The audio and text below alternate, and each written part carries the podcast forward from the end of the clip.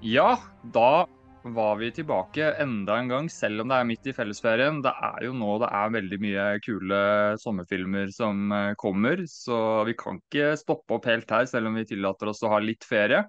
Manuel er selvfølgelig med oss denne gangen også. Velkommen. Takk, takk. Og Roy, eh, som har virkelig tatt av nå med disse anmeldelsene sine på TikTok, hvor han eh, ser jo alt som er av ting og tang. Velkommen. Takk, takk. Eh, og så har vi Olaf, da, som er tilbake fra musikkturné i Europa. Og da var det litt ting som skjedde. Du er tilbake med senebetennelse i begge armene. Velkommen yes. hjem. Takk, takk. Det er en hyggelig velkomst å komme tilbake til.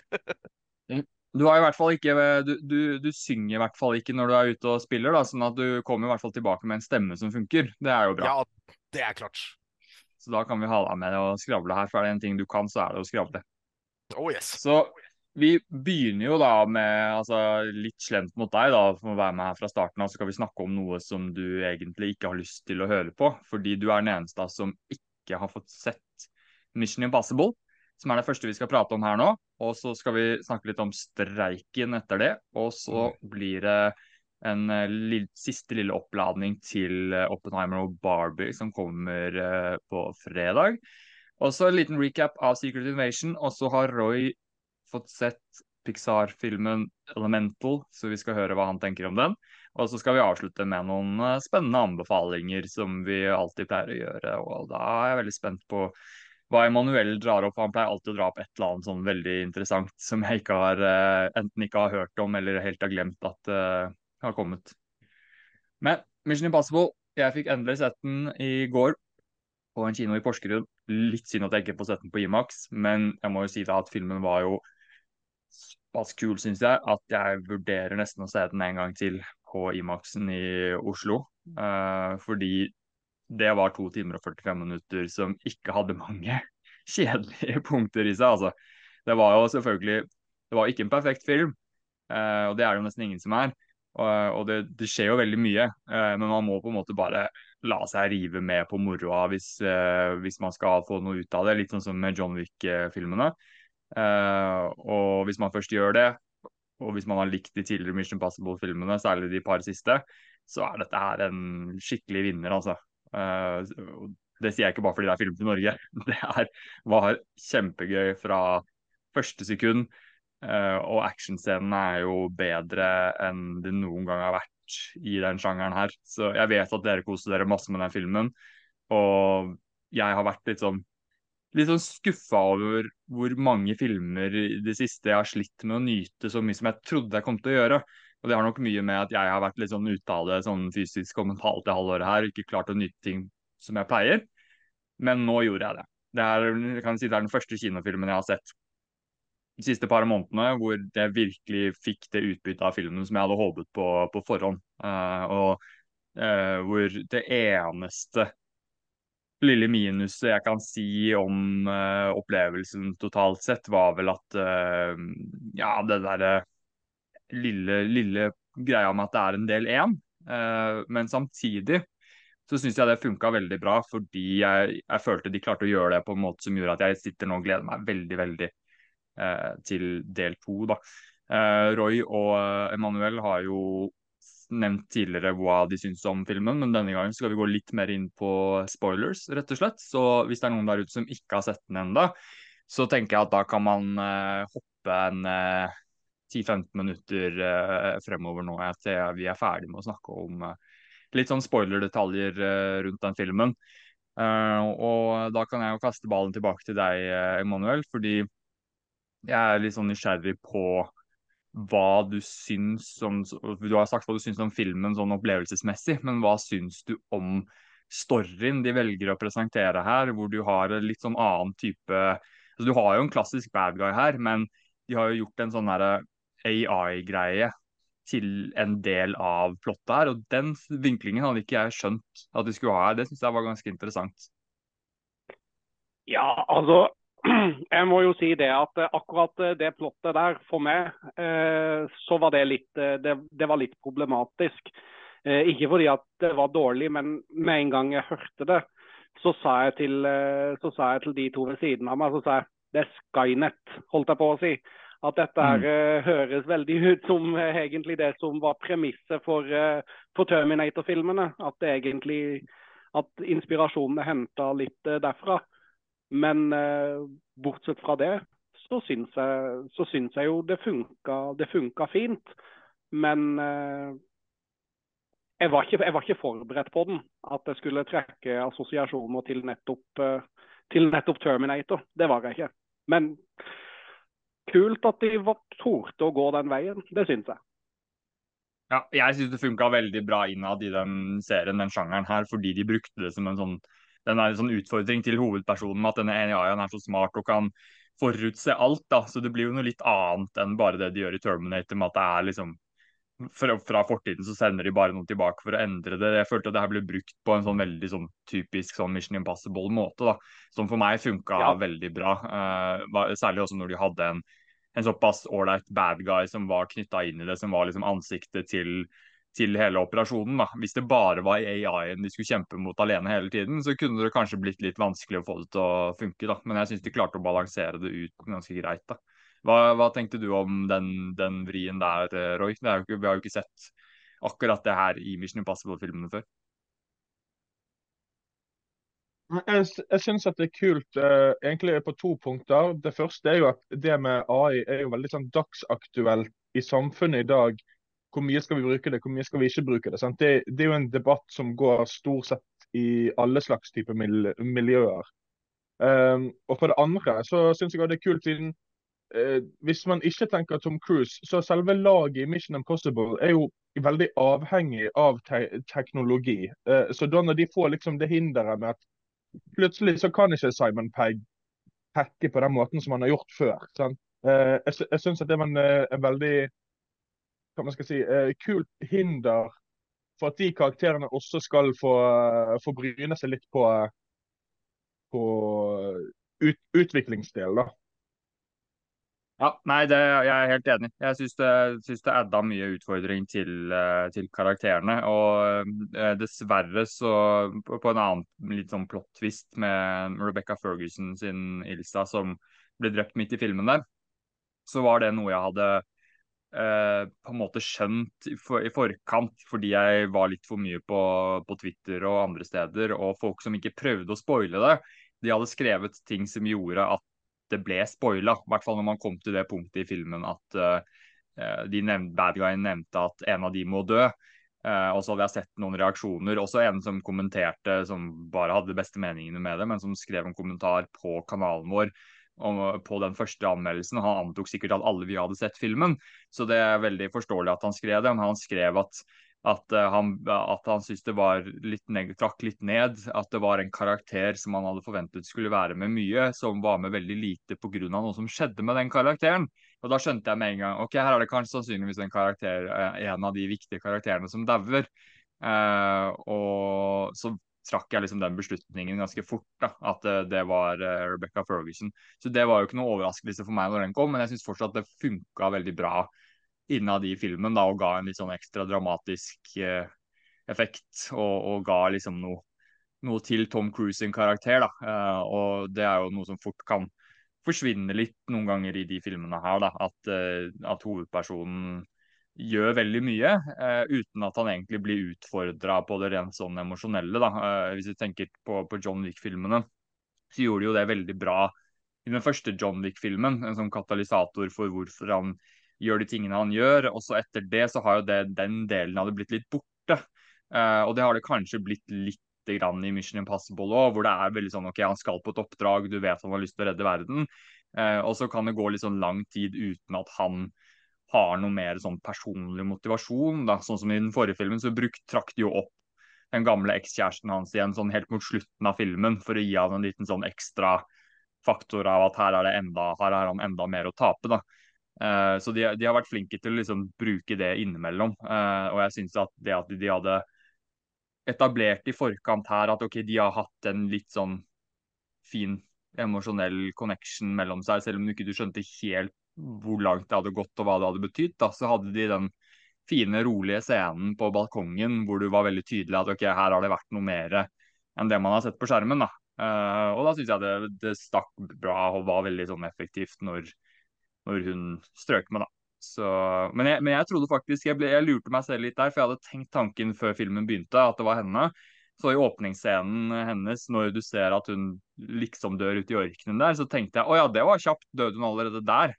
Uh, så, så, hun var jo faktisk mer med da enn det jeg trodde der helt i, helt i starten. Men uh, uansett, jeg syns det var en veldig, veldig balansert god film. Uh, og det jeg er veldig nysgjerrig på nå, er jo hva er greia videre her? De skal jo åpenbart ut med vann. Så kommer de nå til å sende Tom Cruise uh, på, på, dykkerkurs og sende han langt ned i, uh, til en, en, et sett de bygger under vann, eller hva, hvordan skal de løse det her? jeg tror i hvert fall det blir en veldig kul og litt annerledes Mission Impossible-film. I hvert fall hvis mye av det skal være sånn Mission Impossible dypt nede i, i, i, havdypet her. Så kanskje de burde spørre James Cameron om uh, råd. Men uh, hva, hva, tenker dere her, Roy? Hva, hva, hva, liksom, er feelinga di på hvor, hvor, det her går hen? Annet enn at de skal liksom under vann til den ubåten der. Første tanken min er jo at dette her er jo, så vidt jeg vet, den siste Mission Impossible-filmen. Sånn at her kan faktisk alt skje. Altså, det, det, er ingen på det laget der som, som er trygg liksom, når det er snakk om si, siste filmen, tenker jeg. Og jeg, jeg, er, jeg er, litt spent om de tør å gå såpass langt som å faktisk drepe Ethan Hunt. Um, men uh, jeg, jeg, tror også at um, det skal godt gjøres da, å overgå de stuntsene som jeg så i denne filmen her. Men det, det sa jeg jo også når jeg så den, den forrige filmen. Sånn at jeg er, jeg er egentlig bare spent på, på, hva de kommer med. Ja, jeg, jeg, også. Jeg tror vel kanskje at man kommer til et punkt nå hvor det ikke nødvendigvis handler om å overgå de tidligere stuntene, men å gjøre ting som ikke har blitt gjort før, som er veldig annerledes. Uh, det, for jeg, jeg, føler ikke nødvendigvis at stuntene i Eh, den eh, Dead Reckoning Part 1 overgikk stuntene i Fallout, men det var, det var litt annen altså Det var bare annerledes. Det var ting du ikke hadde sett i Mission Impossible-filmene før. Uh, og du, du hadde jo noen av tingene følte jeg at jeg hadde sett i filmer tidligere, da, men, som, men det stuntet han gjør når han hopper, hopper fra det stupet med motorsykkelen i Norge du, Når du i tillegg vet at det er ekte, så har det en sånn wow-faktor. Du føler liksom at han faktisk gjør det. Uh, og det, det, er veldig gøy. Uh, men en ting som var litt, var litt, morsomt for meg som er så stor Jurassic Park-fan, og det var en kompis min jeg så det med, som lente seg over til meg og hviska Hvis dere husker Jurassic Park 2, The Lost World, så var det jo en scene her mot slutten, det toget som faller over eh, kanten. Det var jo ja. nesten en ja. helt altså 100% shot for shot kopi av deler av den sekvensen hvor det er en sånn stor trailer eh, eller sånn vogn som faller utover eh, et stup i The Lost World. Da. Eh, så det syns jeg var litt artig. Og det var en kjempekul kul sekvens, men jeg følte at jeg hadde sett liksom all dramaturgien før med den tingen som nesten den faller ned, og så, og så, gjør det at de faller ned, og så kommer det akkurat noen i siste liten og får trukket dem opp. da. Så det, jeg vet ikke om det var bevisst, ja. om man har liksom Macquarie har sett The Lost World og var veldig fan av den sekvensen der til Spielberg. Det kunne nesten føles litt som det var en omasj til, til, den. da, så det, det, skal jeg sjekke ut. Hvis det er det, så, så liker jeg han enda bedre. fordi det er som jeg nevnte tidligere, en film jeg syns er veldig undervurdert. Så det, det, varmer hjertet mitt hvis han har brukt det som inspirasjon. Uh, men uh, ja, vi, eh, vi, har vel ikke sånn veldig mye mer vi trenger å si om den filmen egentlig da. Vi likte den veldig godt uh, alle sammen. Uh, dere landa vel på en sånn ni av ti cirka begge to? Ja, altså Du kan si det at hadde IMDb tillatt meg å bruke halve poeng, så ville jeg satt den på åtte og en halv. Ja. Uh, jeg har satt den på ni av ti fordi at jeg synes den er for god til å havne på åtte blank. Uh, men, men, reelt sett så ville jeg sagt åtte og en halv av ti. Uh, men jeg har klokka den inn på ni av ti nettopp fordi at det ikke det er mulig å bruke de halve poengene, at det går i hele poeng. Ja, ikke sant. Ja, og øh, jeg, jo, jeg bruker den skalaen litt annerledes enn mange andre. Jeg gir jo nesten ikke nier eller tiere. Så for meg så ville det vært en, en solid eller sterk syver, da. Uh, men det er nok det samme som en sterk åtter for dere, tenker jeg. Uh, omtrent. Det er bare for meg så eh, Sånn tieren på den skalaen eksisterer nesten ikke. Det fins liksom ikke det fins én film som jeg har nevnt før som jeg har gitt ti av ti, så det for meg er sånn, det sparer jeg til sånn helt sånn eksepsjonelle tilfeller, da. Så uh, vi er nok ganske sånn enige om totalt sett hvordan vi opplevde filmen, tenker jeg. Selv om vi, selv om vi bruker de tallene der litt uh, annerledes. Men det som var da neste tema, som, som kan være en fin sånn uh... Ja, Roy, ja. Roy rekker opp hånda. Jeg bare, bare vil legge sånn av, avslutningsvis med uh, Hvis du legger veldig merke til da når du ser filmen, så er detaljnivået der at når Hayley Atwell har på seg masken og later som hun er Van Vanessa Kirby, så har Vanessa Kirby og Hayley Atwell forskjellig farge på øynene. Ja, det så jeg Sånn faktisk. når det er når det er Hay- hey, hey, Hayley Atwell som er Vanessa Kirby, så har hun brune øyne. Mens når det bare er Vanessa Kirby, så er det blå øyne. Og jeg, når jeg lå, lå merke til, til det, så, så fikk jeg sånn wow-følelse på hvor hardt de har gått ut på, på detaljene. Ja, ja, det var kult. Så kan man spørre seg hvorfor ikke noen av de andre karakterene la merke til det, da. Men øh, det, det gikk vel såpass fort for dem òg at øh, de kanskje ikke rakk å tenke over det. Det er jo ikke sånn man egentlig går og ser på hele tiden. Sånn ok, hvor er, hvilken farge er det du har på øynene i dag? Så det blir sånn nitpicking. Men uh, overgangen her nå som jeg tenkte å gjøre, er jo at vi, vi vet jo at Dead Reckoning Part 2 egentlig skal komme neste år. Uh, og så nevnte jeg det i stad for Emanuel, og så sa han ja, gjør den egentlig det?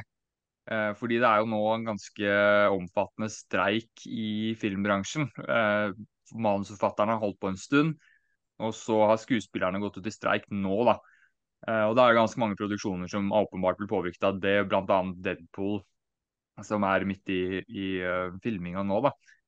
Så det her er jo Vi kan jo potensielt få en lang tørkeperiode her, på samme måte som vi gjorde med, med, med under pandemien. da. Uh, og at vi får uh, et år eller to hvor det er uh, relativt lite. Så hva, hva, hvordan er magefølelsen på dere her? Jeg vet ikke hvor mye dere har satt dere inn i detaljene bak streiken her. Altså, hvor lenge tror vi det her kommer til å holde på nå, og hvor, hvor store blir ringvirkningene av det? Manuel, hva, hva er ditt inntrykk? Nei, altså Jeg tror jo at det der kan eh, pågå en, eh, en liten stund. Eh, Det tror jeg. For det er klart det at de store studioene de, de, de tjener ikke gode penger uten å tørre å gjøre seg litt upopulære. Og Samtidig så håper jeg jo at de, de kommer til en enighet. Men at det blir en liten tørkeperiode hvor vi kanskje får ja, hvor de kanskje på kinoene nå blir litt eh, smalere filmer og litt mer europeiske filmer og litt sånn, sånn som det var under, under covid, når kinoene åpna opp igjen. Det tror jeg kanskje vi kan få, men jeg tror vi snakker jeg tror vi snakker noen måneders forskyvelse. Jeg tror ikke vi snakker eh, år, et år eller to i forskyvelse. Det tror jeg ikke. Men eh, litt eh, forskyvning må vi regne med. Det er jo veldig mange filmer som allerede er ferdig laga, som bare har post production igjen, som, eh, vil, som vil komme. Så Mm. jeg håper bare de kommer frem til, til en enighet. Det med streik er ikke, er ikke, noe, er ikke noe særlig. Jeg fikk selv, har selv vært med på, aldri, aldri streika, men har blitt varsla om streik eh, to-tre ganger i løpet av arbeidslivet, så jeg skjønner jo at det må til.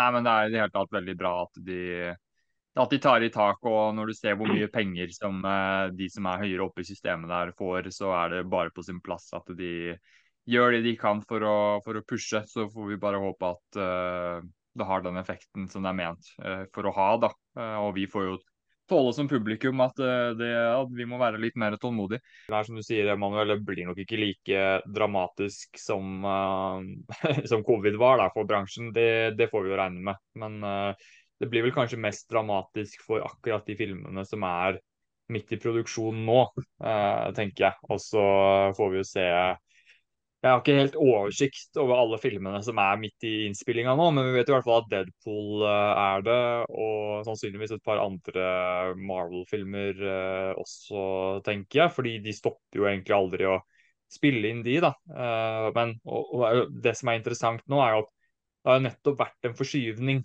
av hele, hele Disney-slaten, i hvert fall de store filmene deres, da, med Star Wars og Marvel og sånn.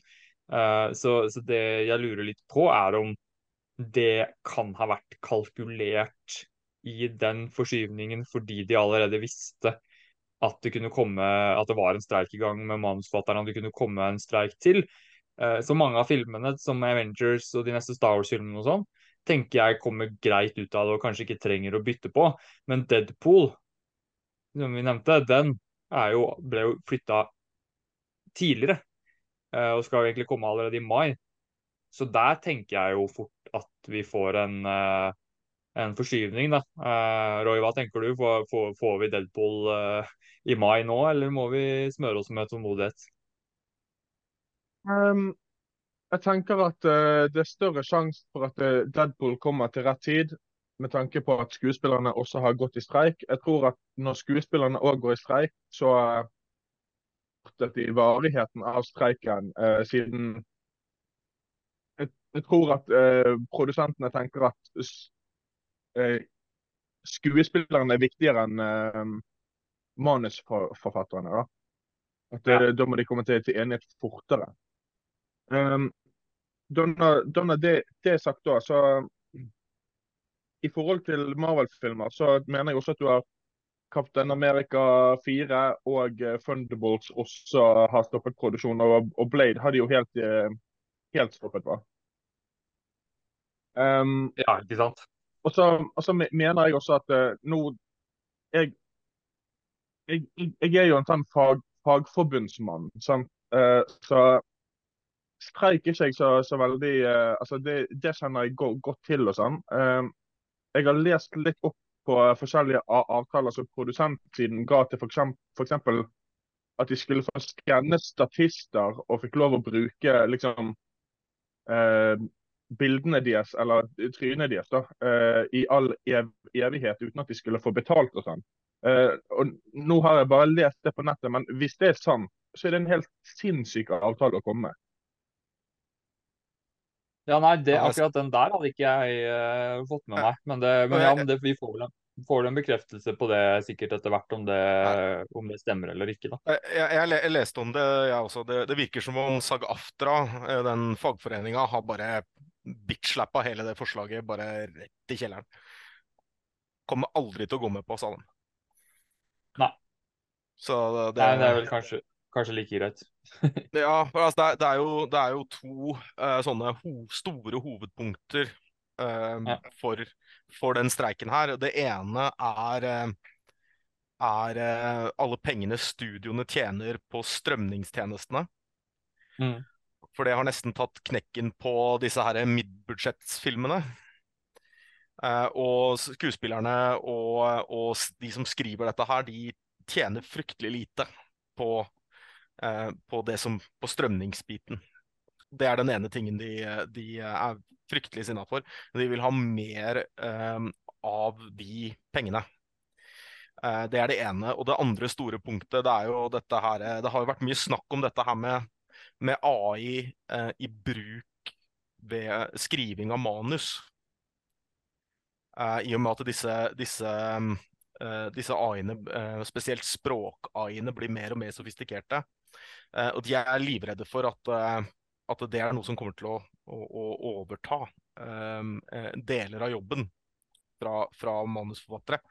Eh, mm. Så Det er på en måte de to store streikepunktene. da. Det ene er jo da pengene som skuespillerne gjerne vil ha for strømning, og det andre er jo på manusforfatternes side. Og Det er jo like så mye en solidarisk streik fra skuespillerne eh, som det er for deres egen del.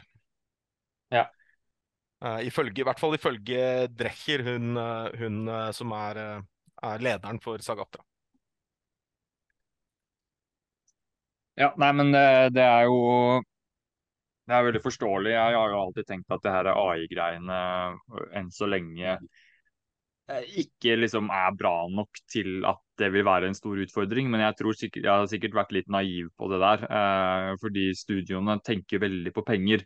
Eh, og hvis AI-ene bare kommer til et punkt hvor de skjønner at de kan gjøre en viss del av jobben greit nok og ikke uten å betale for det, og så heller få manusforfattere til å finpusse på noen av de konseptene som AI-ene kanskje gjør, da, eller noen av de tingene som de utvikler. Eh, og, og, at de da kanskje betaler bare halvparten av det de vanligvis ville betalt for en, en prosess som går gjerne over, over, flere måneder eller til og med år. da. Eh, så, så det, ja, det, jeg ser jo ikke for meg at det kommer til å komme masse filmer som er renskrevet av AI, men at du får nettopp den der delt, delte greia da, hvor de bruker fortsatt manusforfattere, men veldig mye mindre enn det de gjorde før. Da. Så det, det, er jo en litt skummel greie, men eh, på en måte så er det jo forståelig også at studioene prøver å finne måter å bruke mindre penger på. Eh, men totalt, altså sånn når man tenker over hva er kunst og film og sånn, det er jo det skal jo være litt personlig, det skal være basert på følelser. Og hvis det skal være masse av det som bare er funnet opp av en datamaskin, selv om det fortsatt kan fortelles på en veldig god måte, så føler jeg jo litt at kanskje mye av, av magien kan bli borte. Men altså for all del, det kan godt være at tidenes beste superheltfilm kommer ut om ti år, og at uh, mesteparten av plottet er skrevet av en AI, for alt vi vet. Og så er det bare noen veldig flinke skapere som har utført det plottet. Så man skal aldri si aldri der. Men uh, sånn i utgangspunktet så så virker det jo ikke som den bransjen som AI er det beste for, da. Eh, altså tenker jeg, altså Det er jo et eller annet med the human touch der som føles mer viktig enn i kanskje andre mer sånn industrier som bare handler om å få gjort en jobb, da, fullført en jobb, hvor det er jo så veldig synd der òg at folk mister jobben sin. Men hvis kunst Og jeg er kanskje litt hyklersk nå, fordi jeg har brukt veldig mye sånn AI-tegneprogrammer og bildeprogrammer og syns at det er kjempegøy. Uh, men, men, samtidig så er det sånn jeg, jeg, får, jeg, tar jo ikke vekk jobben til noen når jeg driver med det, og jeg skal jo ikke drive og lage ting som jeg skal vise til massene og prøve å inspirere folk med og sånn. Så liksom, det går en grense her, da, uh, føler jeg, på mm. hvor mye man skal gjøre gjøre kunst og, og, historiefortelling til noe sånn mekanisk som bare er en algoritme som Eller et, et, et, system som finner ut av hva som vanligvis funker, og så skal den prøve å putte sammen det.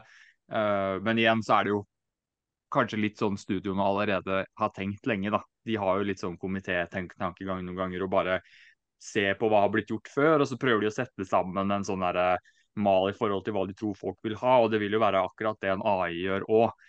Eh, så det vil jo kanskje bare være en forsterkelse av den måten mange av de pengefolka i Hollywood allerede tenker på. da. Mm. Ja, jeg, tror, jeg, tror, jeg tror nok at ja, unnskyld. Ja, Olav, fortsatt først, så er det Roy. Ja, jeg, jeg tror nok det er en del år til vi kommer til å se AI-er som er sofistikerte nok til å kunne skrive hele filmer. Det kan de nok ikke. Men, nei, men, det, er, men det, er, en helt klar um, Helt klart en del um, Eh, en del av den jobben som en AI kan gjøre for deg, av de mer mekaniske delene av jobben. Uh, ja. Og det er jo, det, dette har jo vært en debatt eh, også i, i skolen, eh, hvor lærerne har problemer med å se forskjell på hva elevene skriver, og hva, en, hva ChatGPT skriver. Ja. Men man må jo lære opp en AI til å gjøre disse tingene der. Det har jo vært hele poenget med dem. Men, men de vil nok kunne ta over noe av den mekaniske delen av jobben. Jeg tror det blir vanskelig for AI-en å ta over den, eh, den menneskelige delen. det, det, tror jeg, tror jeg blir, blir, vanskelig. Ja, Det håper jeg ikke skjer. Altså. Det håper jeg virkelig ikke. Roy, du ville skyte inn nå? Ja, jeg, jeg bare vil også skyte inn um, for Bob Iger, som vi alle vet er CEO-en av, av Disney, kom med en uttalelse uh, hvor han, han, sier at uh, this is the worst time in the world to add to that dis disruption. Hvor han snakker om at streiken burde ikke være nå pga. at vi forsøker akkurat å komme oss etter covid. Mm. Uh, og for, for, de som, som, på en måte leser streikenyheter og sånn fra, fra, tid til annen, så, så, er det en, en veldig vanlig hva man skal si, narrativ fra arbeidsgiversiden og si at det, ja, men akkurat nå så passer det dårlig med, med streik. Uh, newsflash for, for, arbeidsgivere. En streik er aldri beleilig. Det er ikke sånn streik fungerer. Altså, En streik skal ramme. Det, det er derfor vi, vi, vi, vi, har det. Helt klart. Helt klart. Ja, det er vel kanskje mer å snu på det, tenker jeg, da, å, å si at det er perfekte tidspunkt å streike på, egentlig. Fordi det er nå det smeller mest og har mest effekt, og det er da de virkelig kan tyne dem. Hvis de tar streiken på et punkt som er mest mulig beleilig for studioene, så kan jo studiene bare sitte der og godte seg og vente og bare sånn Nei, men vi har det jo greit nå. Vi har jo masse ting som er ferdige allerede, og vi har masse penger, og ting går jo fint, så vi kan jo sitte her tålmodig og vente litt og komme med noen litt sånn uh, forsiktige forslag og se om det går, liksom. Nå svetter de jo, og det er jo det som er hele poenget. Så det er helt sant det du sier der òg. At det, det, er jo nesten litt sånn uh, Bob Iger, som er en, en CEO som har såpass mye erfaring og såpass har lykkes med såpass mye og har såpass mye respekt, virker rett og slett litt fjernt ass, å komme ut og, og, og si det der, liksom. Det, ja. Altså, det, det, er, det, er, jo sant at det er ubeleilig for studioene, men også prøve å bruke det som en sånn greie for Nei, det, det er lett å gjennomskue, og det er Ja, det, han, ba, han, understreker jo bare poenget med hvorfor de streiker nå, tenker jeg da, når han går ut og sier det. Mm. Og vi, vi får den de der i alle streiker. Alle streiker ja. kommer den samme uttalelsen. Samme hvilket land, samme når, samme hvor. den kommer hver gang. Ja, ja. ja. Men eh, en, eh, en, film nå som hadde premiere, da, eh, verdenspremiere, hvor eh, streiken ble satt i gang mens premieren var, var arrangert, og skuespillerne var inne i salen for å se på, det var Oppenheimer. Hvor da Matt Damon og Robert Downey jr. og Cillian Murphy, Emily Blunt og alle de store navnene som er med der, hadde jo da forlatt salen der midt under uh, visningen. Da. Uh, og det er jo litt kult, egentlig, fordi det setter jo det setter jo på en måte, eller ikke standarden, men det, det, det, skaper jo en oppmerksomhet med en gang. Når du ser at sommerens kanskje største film, eller potensielt den filmen som vil bli regnet som den beste i sommer, da, fra den største regissøren, har en så lang bra castliste med superstjerner. Og, det da får den mediedekninga det får, det tror jeg har veldig mye å si. da. Eh, og da, da legger man veldig godt merke til det. Mens de filmene som på en måte er i produksjon, som ikke kommer enda, det er sånn vi som er spesielt interesserte, vi får jo med oss, oss det. Eh, men det med at de forlater den, det fikk nok en, en mediedekning som kanskje eh, flere la merke til enn bare de som er litt ekstra opptatt av alt som foregår, sånn som oss. da. Så så det tror jeg er veldig, veldig bra, da, at de, eh, de, tok det standpunktet der og ikke liksom prøvde å sno seg unna med og bare sånn Nei, men vi kan jo, vi kan jo vente en time til eller halvannen time til til filmen er ferdig. Det har ikke så mye å si. liksom. De var veldig på med en gang. Det minuttet streiken er i gang, så er vi ute av dette. Vi er på jobb nå, og de går fra jobb med en gang. Så det syns jeg var veldig ålreit. Så det var helt sikkert noe Nolan hadde skrevet under på også, tenker jeg. da. Uh, og det er jo fin, et fint sted, da, tenker jeg. Og hvis ikke dere har noe mer å si om streiken nå, så tenker jeg at det er et fint sted også å kjøre en overgang over til uh, ukas uh, to store premierefilmer som vi har snakket mye om. Roy rekker opp hånda, så han skal kanskje skyte inn med noe mer her. Bare angående akkurat det, det stuntet, da. Så har jeg også hørt at, at Nolan gikk bort til skuespillerne og sa at jeg, jeg, skjønner at det her er noe dere må gjøre, og jeg, jeg støtter dere fullt ut, men takk for jobben dere har gjort. Så, som jeg syns er en veld, veldig en fin gjest. da. Absolutt. Absolutt. Så det er, og det er sikkert noe som svir litt for en uh, regissør at det er det som skal snakkes om uh, når uh, han har premiere på, på en film. Så, så det er sikkert, Han syns sikkert ikke det er noe gøy, men jeg tror nok han bryr seg så mye om bransjen som en helhet at han klarer å skyve egoet sitt litt til siden akkurat der, da. Det, det tror jeg i hvert fall. Og, og, det er, eh, det er ekstremt, eh, og det er ekstremt viktig uh, at dette her får oppmerksomhet, fordi uh, USA er jo et land som er kjent for å være ekstremt fagforretningsfiendtlig. Mm. Sånn at det at de, de, store navnene gjør seg synlige, det, det er ekstremt viktig. Ja, absolutt. Skal vi uh, rulle videre til ukas uh, premiere, da? Premierer? Jo. Da gjør vi det. Og denne gangen så er det ikke midt i uka-premiere onsdager, som vi har blitt vant med med mange store filmer nå. Det er god gammeldags uh, fredagspremierer. Uh, og fortsatt så er det Oppenheimer og Barbie som er plassert på samme dag, selv om det har gått noen rykter om at Nolan ikke var så veldig fornøyd med det. da. Uh, at han gjerne skulle sett at Warner Brothers hadde flytta Barbie. Det er ikke sikkert at det er sant, uh, men det hadde jo ikke overraska meg. jeg tror jo at det er jo ganske mange av de som ser Barbie som kanskje ikke er interessert i Oppenheimer, men, men som oss så finnes det ganske mange eh, altså stor, Stort felt av publikum som krysser der òg, eh, og mange som har lyst til å se begge.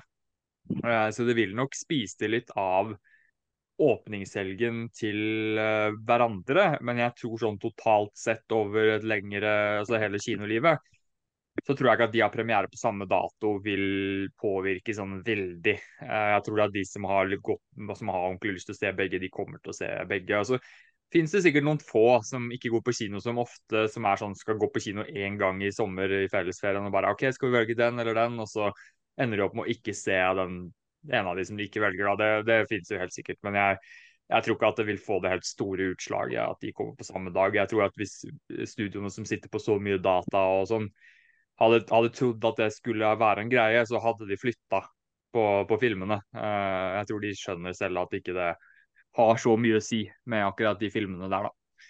Men uansett, det viktigste er jo nå kvaliteten på disse filmene og opplevelsen som du kan få med de. Uh, og etter at jeg har sett uh, nyeste Oppenheim-traileren og sett traileren på kino og sånn, så er jeg veldig, veldig veldig hyped for den filmen. Uh, og jeg tror ikke jeg har gleda meg så mye til en ny kinofilm faktisk siden Spiderman No Way Home. Eh, sånn som jeg sitter og føler på det nå. Eh, jeg er jo veldig glad i, i Nolan, og Emanuel, jeg vet at eh, du har eh, nylig sett gjennom alle Nolan sine filmer, en del av de du ikke hadde sett før. Så hva, hva har det gjort med forventningene dine til eh, Oppenheimer? Du, eh, jeg har skyhøye forventninger til denne. Det, det, det, det, må jeg være så ærlig å, å si. Eh, jeg synes eh, Nolan er en av de jevneste regissørene jeg noen gang har vært borti.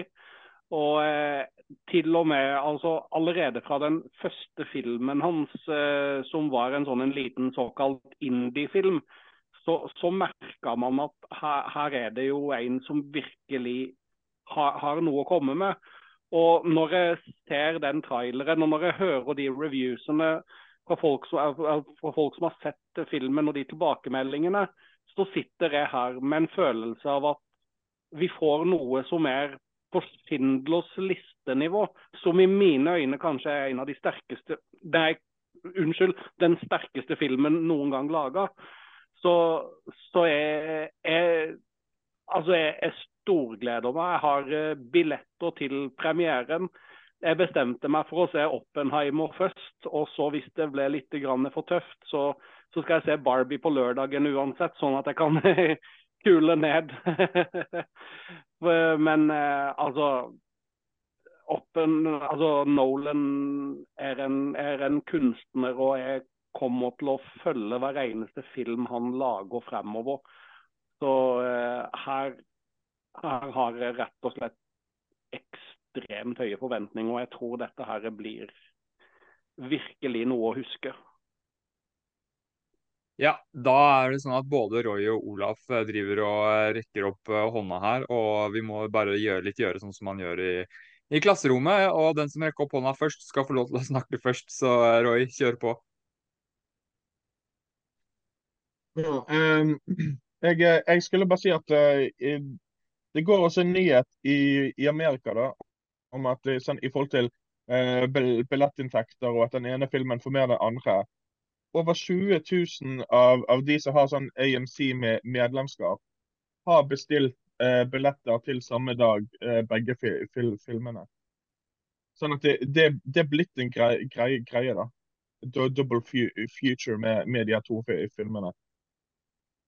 Ja, det er faktisk eh, ganske gøy. Jeg tror ikke jeg kommer til å orke det. Men uh, det, er jo, det, er jo, to så forskjellige konsepter at det må jo være litt artig å få den, den opplevelsen der. Jeg, jeg, tror jeg ville valgt Oppenheimer først, og så liksom oppleve at sannsynligvis at den er veldig bra, men også veldig dyster, og så muntre seg selv litt opp med Barbie etterpå. da. Eh, tror jeg kunne vært en fin måte å gjøre det på.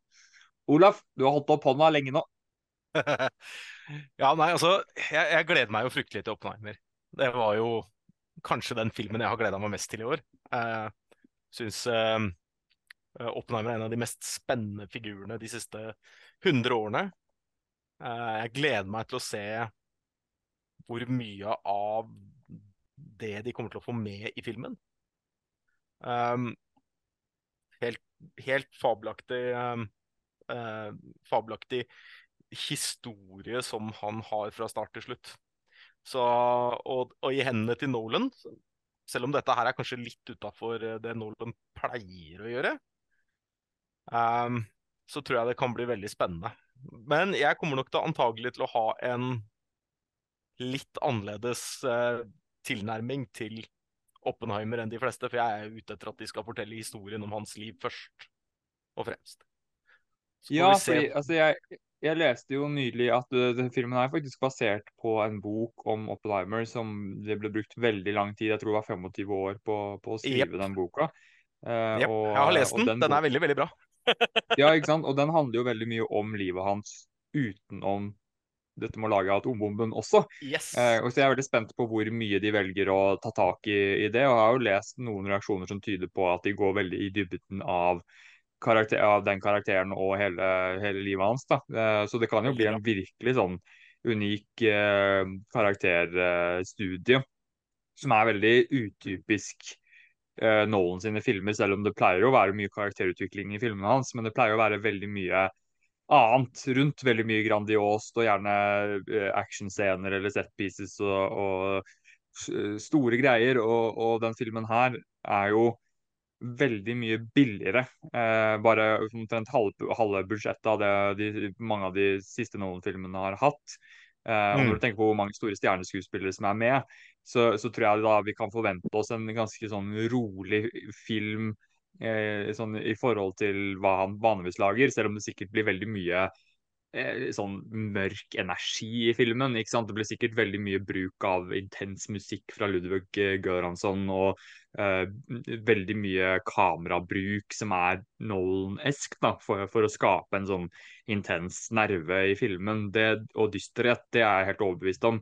Uh, men jeg tror ikke du skal forvente sånn type docking-scene fra Interstellar eller uh, disse her scenene fra Inception med bygninger som brer seg over hverandre og alt sånt. Da. Jeg tror det blir en veldig sånn Eh, rolig, eh, karakterdrevet film eh, til Nolan å være. da, Kanskje litt mer à la de tidligere filmene hans uh, før The Dark Night. Uh, og den, den fortellerstilen han, uh, han, hadde der, da, tenker jeg.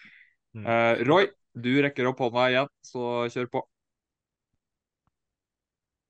Ja, jeg, jeg, bare vil legge til at for, for min del det, det, er veldig mange som ser denne filmen siden de liker no, Nolan. sant? For meg så er jo Nolan litt hit and miss. Men jeg merker at jeg går litt på denne filmen siden Cillian Murphy som spiller ho hovedrollen.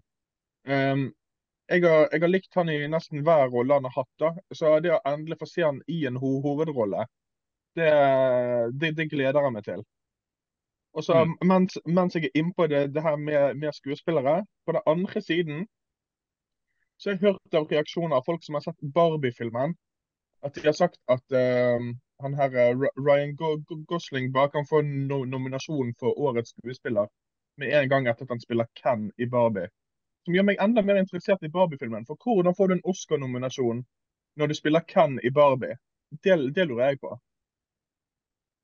Ja, nei, det høres jo ganske artig ut. Jeg leste jo noen morsomme greier nå som uh, i, et, i, et, filmblad uh, at Ryan Gosling visstnok hadde sagt Eller han, han hadde bestemt seg for å ta rollen når han hadde sett datteren sin eh, Ken-dukke ligge med hodet ned i, i, i, sanden på en litt veldig sånn der eh, deprimerende måte.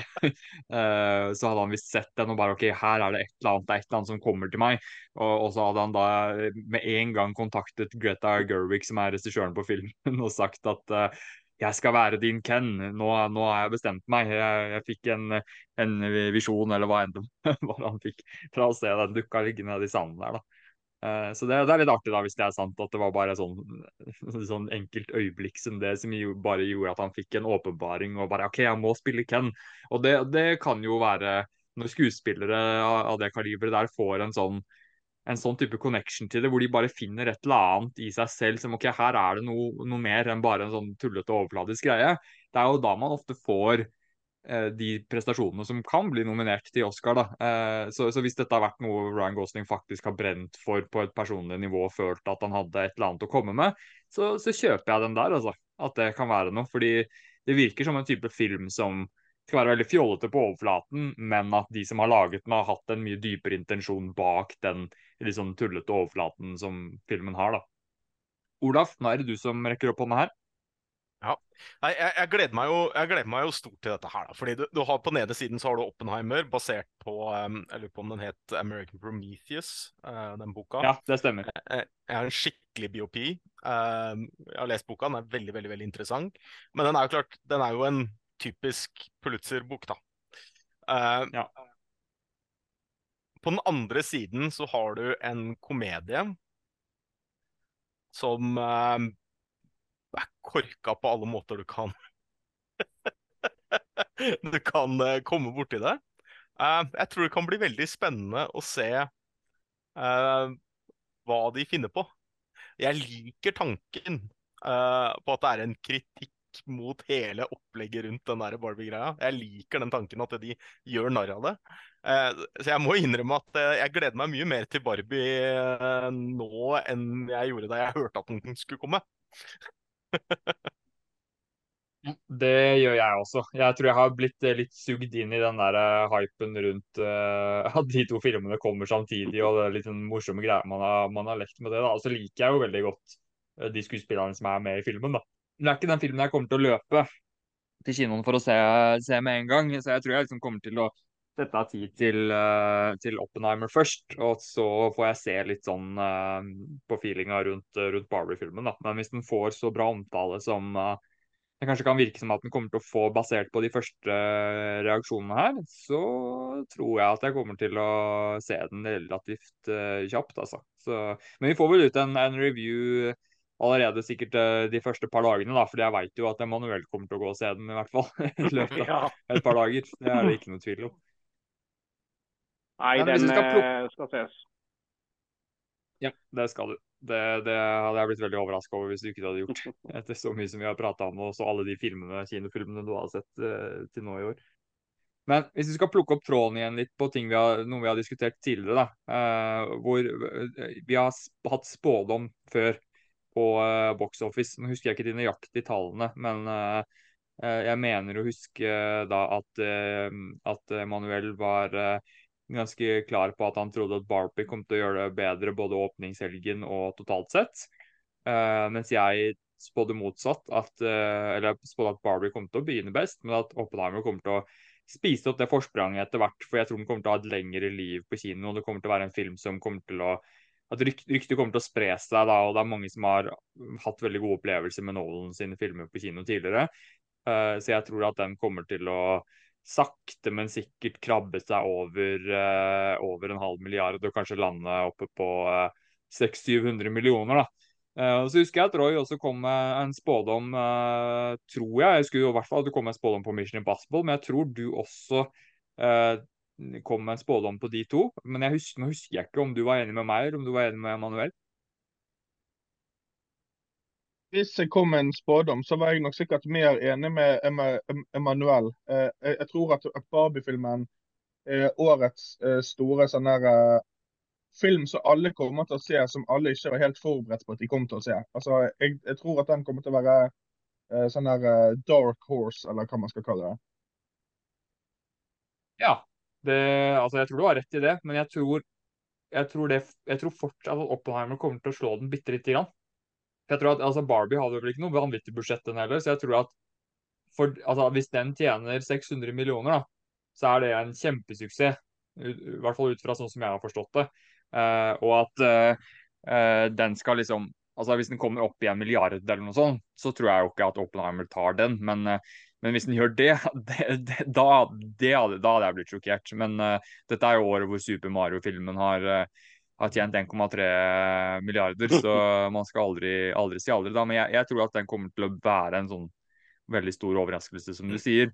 Uh, men jeg tror ikke nødvendigvis det betyr at den tjener typisk sånn gode, gode MCU-tall. da. Det, det, tror jeg skal ganske mye til, og det tror jeg ikke den trenger heller for å være en kjempesuksess. Uh, så jeg, jeg, står på det at jeg tror Oppenheimer kryper seg forbi med små marginer, og at begge to kommer til å lande på et eller annet sted mellom 500 og 700 millioner. Da. Det er min spådom. Så da, jeg, jeg, da skal vi Ja, Olav? Jeg ville blitt, vil blitt, veldig overraska hvis eh, Barbie dro en, en Super Mario på oss. Uh, Super Mario-filmen hadde jo et ferdig lagd publikum. Jeg er ikke så sikker på om Barbie har helt det samme. I hvert fall ikke i den Nei, graden. Men, ja. Eh, men, man vet aldri. Vi kan bli overraska. Så, men hva, så hva er din eh, spådom totalt sett da, Olaf? Tror du, eh, tror du det blir Barbie eller Oppenheimer som uh, sitter igjen uh, som vinneren til slutt? Jeg, jeg, er nok litt der du er. Jeg tror nok at Barbie ja. kommer til å få en sterkere åpning. Uh, ja. Fordi den er hypa sånn som den er. Men jeg tror også at Oppenheimer er en som kommer til å ha et lengre liv på kino. Det vil jeg tro. Men ja. igjen, det kommer jo helt an på hvem som har det største budsjettet og, og med advertisement. Altså, hvor mye har egentlig Barbie-filmen brukt på advertisement, f.eks. Det vil jo ha mm. en massiv impact om den kommer til å tjene penger eller ikke. Ja.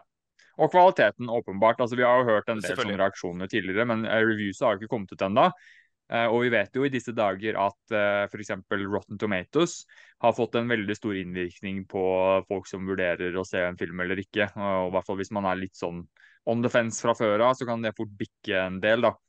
Uh, så hvis begge filmene lander på et sted mellom 80 og 100% der, så, så, tror jeg liksom at de får den, den suksessen begge to som vi sitter og antar her nå. da. Men hvis plutselig en av de Eh, gjør det litt dårligere der enn det vi kanskje har trodd, så, så tror jeg det kan ha en ganske stor effekt. da, Hvis, hvis reviewene fra Barbie plutselig kommer ut det er mye mer mixed enn det vi tror, og lander på en 50-60 eh, hvor det er noen som virkelig liker den viben den går for, og andre som syns det blir altfor sært, eh, så, så, tror jeg det fort kan bety at den ikke gjør det i nærheten av så bra som det vi sitter og prater om her nå. da. Så det kan godt være at vi må justere de spådommene etter at anmeldelsene Jeg lurer på om anmeldelsene kommer ut enten så er det i dag eller i morgen, jeg tror det var 17. eller 18., hvor den eh, review-embargoen eh, ble, ble, sluppet opp. da. Eh, så jeg, så jeg, tror vi kommer til å se nå ganske fort hva, hvor, hvor de legger lista her da, i forhold til mange folks forventninger.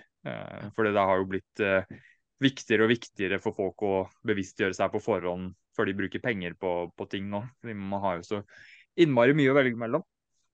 Ja, og så er det jo sånn at filmer eh. generelt har et kortere liv på kino nå enn de hadde for 10-15 år siden. Så... Ja, ja, ja. Åpenbart. Uh, Nolan sine filmer er jo et lite unntak fra mange andre fordi han har litt sånn spesielle avtaler da, med kinoene. Uh, yep. Selv om ikke de går jo ikke like lenge de heller som de ville gjort tidligere. Men Barbie-filmen har ikke satt meg inn i det, men den vil jo sannsynligvis, tenker jeg, komme på streaming på HBO Max relativt kjapt. Uh, og det vil jo mm. kanskje være mange som tenker at det er ikke en film jeg må se på kino. Uh, hører mye bra om den, og så er det sånn ja, ok, men jeg har HBO Max, den kommer jo der snart, og så venter man litt pga. det. Mens Oppenheimer er en film som kommer til å ta mye lengre tid før den, den kommer ut på noen streamingplattformer. og det er en Universal-film, uh, sånn at den er jo ikke det er jo ikke alle som har liksom, Er det Peacock, vel, som er Universal sin streaming-app? Og det er jo ikke sånn at ja. Universal sine filmer er veldig lett tilgjengelig overalt på streaming, og, og man må gjerne betale for det istedenfor HBO hvor du får det gratis. Uh, så da tenker jeg jo fort at uh, her får man en uh, her får man, får man et, en stor effekt av det, da, hvor, hvor, Oppenheimer kommer til å fortsatt være på kino og på Imax ut på, utover høsten, med, mens Nå skjer det et eller annet. Nå kommer det. Nå kommer det noen som skal fucke med meg her. Sorry. Kom, Marvel er ikke bra. nei, det, kom, det kommer en fyr her som, eh, som eh, er veldig kritisk til, eh, til Marvel og superheltfilmer og hele Hollywood-systemet generelt. Det kan, kan du gjette hvem det er, Olaf? Samme. Hæ? Jonathan. Ja, Jonathan, vet du. Det er Jonathan. Jeg drev og vurderte jeg om jeg skulle sette han, sette han foran kamera i to minutter på starten her, bare for å forvirre dere. Og så skulle han holde en monolog om hvorfor han syns at uh, eh, Hollywood, Hollywood-filmer er møkk. Men han, han, men han syns ikke alltid Hollywood-filmer er møkk. da Han digger Dune og Blade. Han liker Denis Villeneuve og, og, og Nolan og, sånn. og Ridley Scott. Ridley Scott. Ja. Ja. Ja, sorry for avbrytelsen, gutta. Det er, det er litt sånn uforutsigbart med de folka jeg er med, men de bare finner Ja, nei, jeg, jeg tenker jo at uh, Nolan sin, uh, sin Oppenheimer da kommer til å rett og slett av, av på, på det kinolivet og ikke så tilgjengelig på streaming, at folk kommer til å uh, ville se den der, da, at det, det kommer til å være mange som anbefaler andre å se det som en kinoopplevelse. Eh, mens Barbie tror jeg, sine kvaliteter tror jeg ikke kommer til å handle så veldig mye om kinoformatet, selv om de fleste filmer er jo bedre på kino, åpenbart. Men jeg tror ikke det er så mye av eh, det visuelle og, og lyd, lyden og musikken og der som er sånn Shit, den må du se på, på kino, à la Nolan sine filmer eh, og, og Dune og sånn. Så jeg tror det også kommer til å ha en, en stor effekt der, da. Eh, og at når den da plutselig dukker opp på HBO Max eh, liksom i september, eller når det blir, så kommer jo folk til å, til å skjønne at ikke de trenger å se den på kino, da. Emanuel, du hadde noe mer å si om de? Ja, eh, altså eh, Hvis eh, Oppenheimer får et langt liv på kino, eh, og lever mye lengre på kino enn det Barbie gjør, så, så er det klart det at den har et stort potensial. Det som jeg ser, eh, her i Norge i hvert fall eh, Vi har i mange byer eh, kinoer med flere saler. Jeg ser det at eh, på premieredagen, i hvert fall i de byene som jeg ser film, holdt jeg på å si, så er de relativt eh, utsolgte begge to. Nesten utsolgte, begge filmene på premieren. Men jeg ser det at eh, kinoene kjører hardere på Barbie i de største salene, og Oppenheimer litt mer i de mindre salene.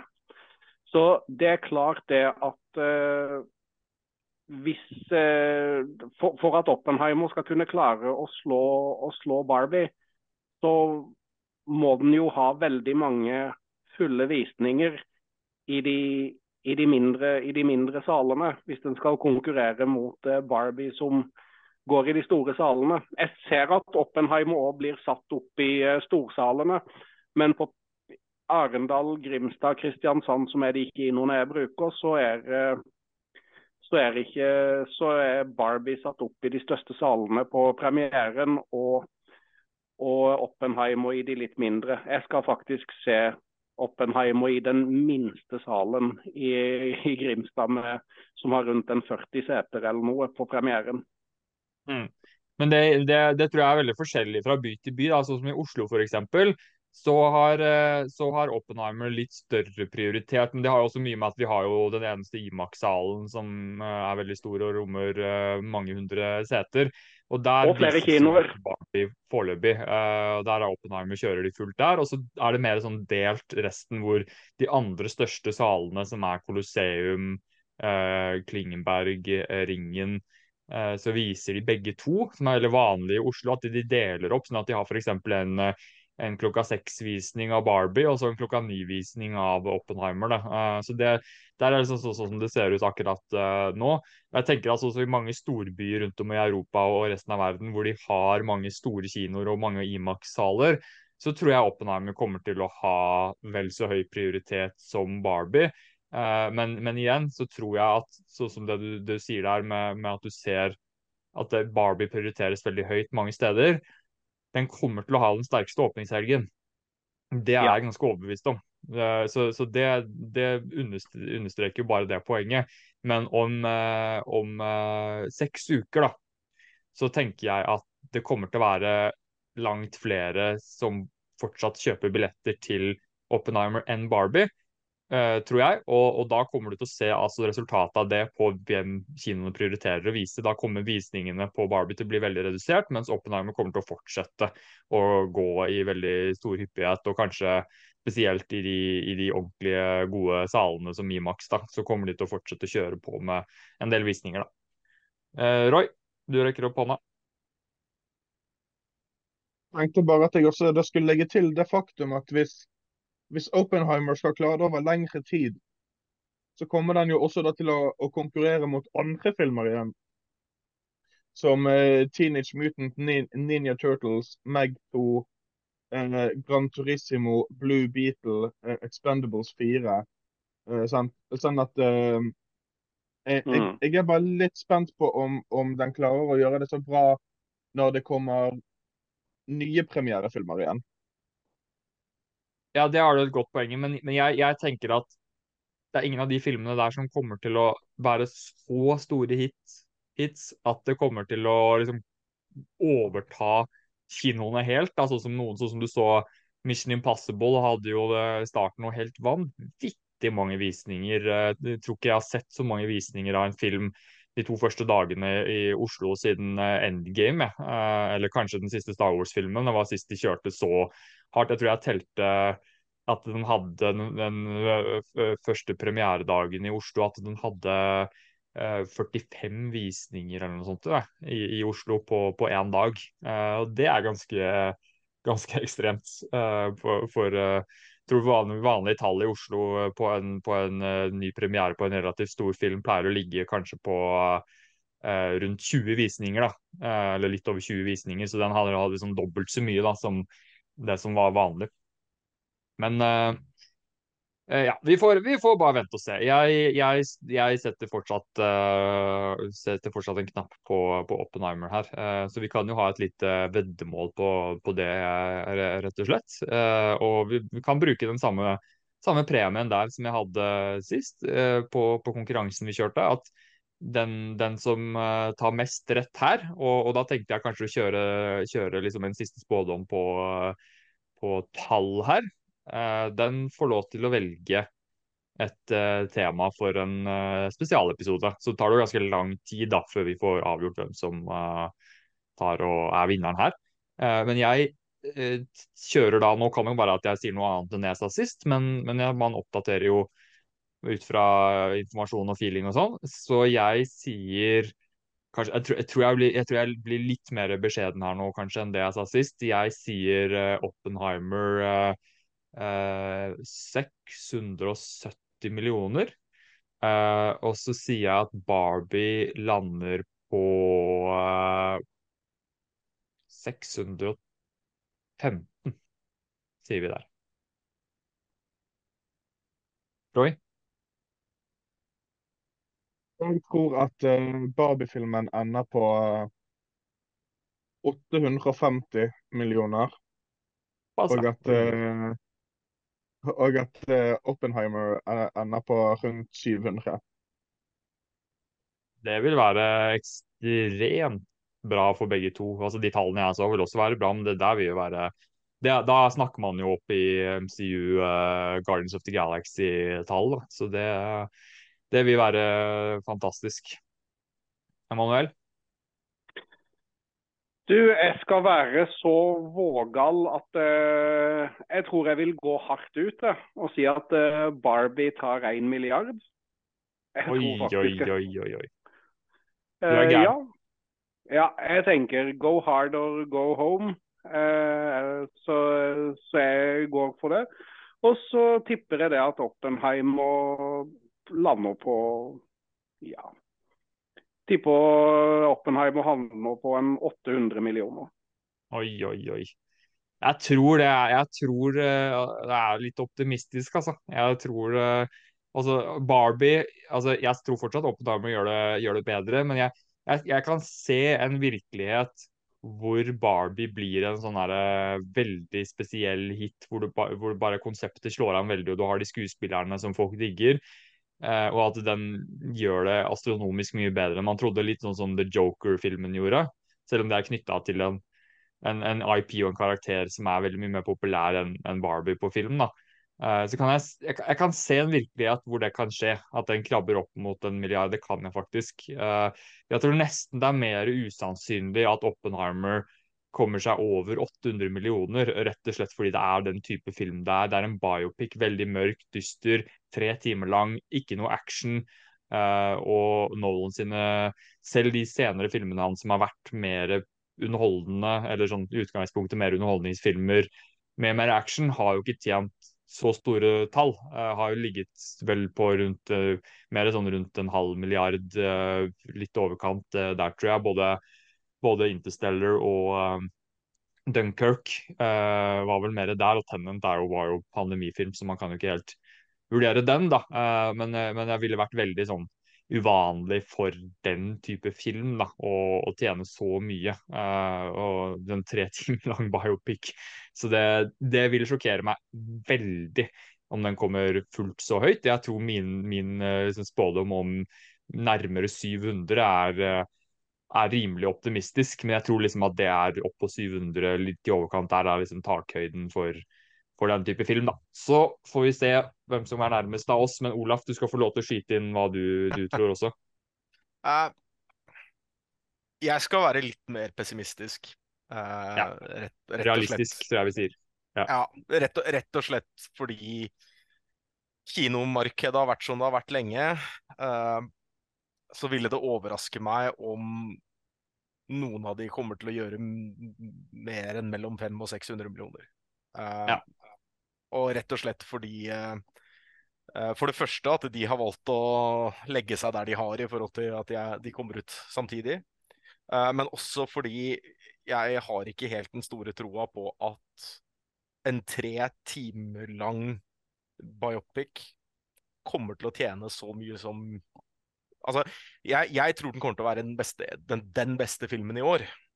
Mm. Men det er ikke alle som drar, drar og ser en film tre, som varer tre timer på kino. Uh, og jeg vil blitt veldig Og jeg tror nok at Barbie er nok en smule for nisje til at det, den har massiv broad appeal. Jeg tror den vil appellere til oss som husker uh, hvor teit Barbie-dokker var som unge.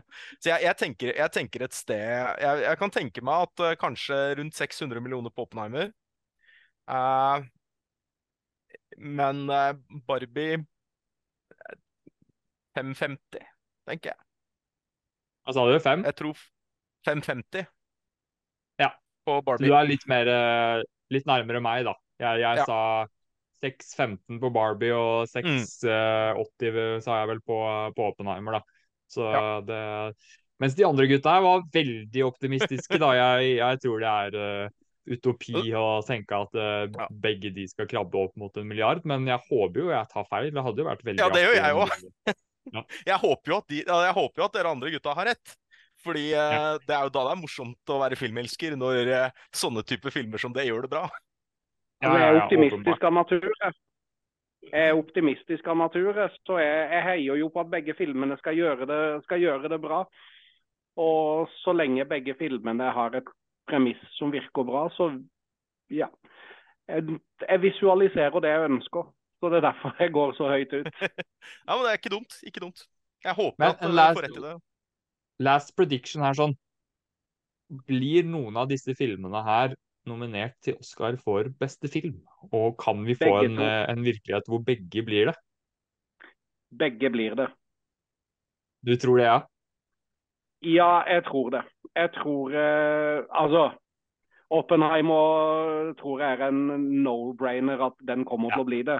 Barbie, den tror jeg kommer til å overraske, overraske de, de fleste av oss.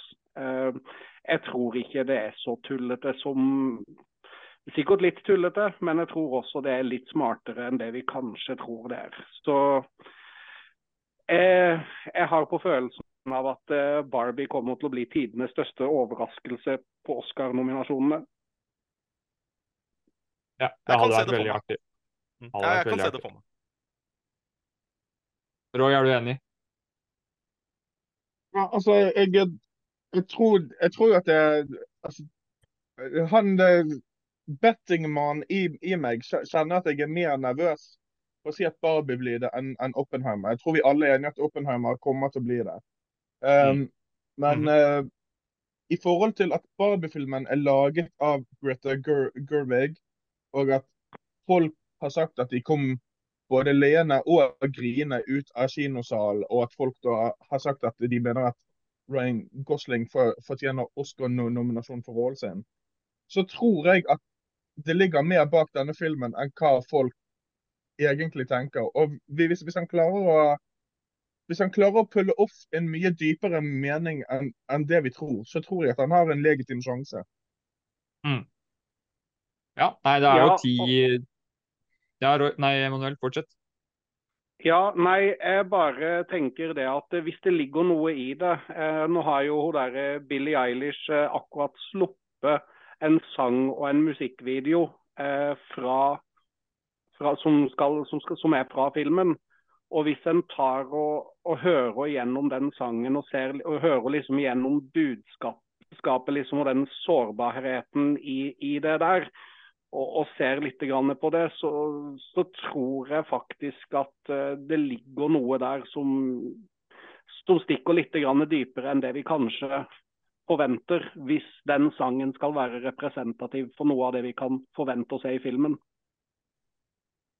Mm. Bare, Ja, sånn, nei, bare, så, bare sånn kjapt, eh, Sindre. Jeg må flyge. Ja, nei, men da Vi, vi sier uh, ha det til uh, Olaf uh, for eh, denne gangen. Det var veldig hyggelig å ha deg med tilbake igjen, selv om du like sitter her med senebetennelser i armene dine. Så kan du i hvert fall snakke som alltid, og det, vi gleder oss til å ha med deg jevnlig fremover hver uke. Minst en gang i uka. Jo, takk. Å ja, minst. Minst. Vi snakkes, folkens. Det gjør vi. Ha det godt. Ja. Eh, men da tenker jeg jo rett og slett at vi har vært lenge nok jeg, på eh, Barbie eh, Oppenheimer. Det blir jo bare spennende å se hva som skjer på fredag. Veldig spennende å se når anmeldelsen endelig kommer ut nå eh, i løpet av de neste par dagene. Uh, og jeg tenker nå at vi går over til Marvel igjen. Og Secret Invasion, som nå har hatt fire episoder. Og vi har bare to episoder igjen, faktisk. Bare seks episoder. Mange som klager over det. At det er litt få episoder i noen av de seriene her. Eh, hvor, da, hvor er vi eh, nå, gutta, i forhold til hva, hva altså, Jeg hadde en oppdatering med dere etter et par episoder, eller var det tre, jeg ikke. Da var vi veldig positive. Er vi fortsatt like positive etter den fjerde episoden? Emanuel, kan begynne med deg. Ja, jeg er fortsatt, eh, jeg er fortsatt positiv. Jeg synes dette her eh, blir mer og mer eh, spennende. Det har jo vært nevnt tidligere og har lest mange steder og at det har vært litt kritikk rundt den der revealen på at Rody var en scroll. Men jeg, jeg, kan jo ikke kritisere det, fordi at eh, det var jo ingen tvil i det hele tatt om at han var det i starten av serien. Så, så derfor brydde jeg meg ikke sånn nevneverdig om det. Jeg synes det er spennende. Jeg synes det, det, tar, seg, det tar seg opp. Uh, og så er jeg jo spent på hvor, hvor det ender opp. Jeg, nå vil jeg gjerne altså, jeg vil gjerne vite hvor lenge Rody har vært en scroll nå. Altså, hvor lenge som vi har fulgt han, har han faktisk vært det. Det, det vil jeg gjerne vite. og håper det, vi får vite det i løpet av, eh, i løpet av eh, de to neste episodene. Ja, det er jo et spørsmål som mange har eh, spurt seg. Jeg tror nok at svaret på det er enkelt og kjedelig. At det er rett og slett mest relatert til den serien her, og at, han, at man sannsynligvis ikke har sett han som en scroll tidligere. Eh, det, det tror jeg, jeg tror det er så enkelt som det, men man, man veit jo aldri. Men, eh, men, jeg tror de kommer til å avsløre hvor den ekte er relativt uh, kjapt, tenker jeg da. Roy, har du noen mer kontroversielle, spenstige spådommer der enn min kjedelige utgave her? Jeg mener at med tanke på at når, når Talos uh, blir skutt, da, så, så bytter han sånn med en gang han, han blir skutt. Så får meg til å tenke at Skrullsene ikke har helt kontroll da når de blir skadet. Uh, og hvis man tar det som, som, utgangspunkt, så var det i hvert fall skikkelige roadie vi hadde i Civil War. I, Ja, ja. i hvert fall. Um, så uh, jeg, jeg tror at skal de gjøre det veldig enkelt for, for seg sjøl, så sier de at det byttet skjedde i de fem årene som vi vet minst. Ja, det kan jo selvfølgelig være en, uh, være en greie, da. Men jeg, jeg, altså, han er vel med nå, nå, er det lenge siden jeg har sett Endgame, uh, men han er vel med i den kampen i Endgame på slutten der, er han ikke det? Ja, men han, han, han blir ikke en han, han, han, er med, men han blir ikke nevneverdig skadet eller noe sånt. Nei, ok. Nei, nei, så de kan jo, Det er jo en åpning der, liksom. Jeg, bare, jeg, tenk, jeg tenker liksom litt at alle steder hvor han liksom har hatt en hvor han har vært skrevet som roadie og vært ment for at han skulle være roadie i utgangspunktet, som jeg tenker er åpenbart tilfelle tilfellet med både Infinity War og, og, Endgame, så ser jeg liksom ikke for meg at de går inn for å prøve å retconne det på noen måte. Men, men, for alt vi vet, det kan jo være at det har vært en plan de har hatt lenge, mye lenger enn det vi tror, da. Men uh, jeg, jeg, jeg, tror ikke at de gjør noe sånn veldig sånn altså, jeg, jeg, ser ingen god grunn da, sånn plottmessig til å liksom si at han var en scroll underveis i, i liksom de filmene man har sett tidligere. Uh, jeg tror ikke det er så veldig mye å hente på det, egentlig.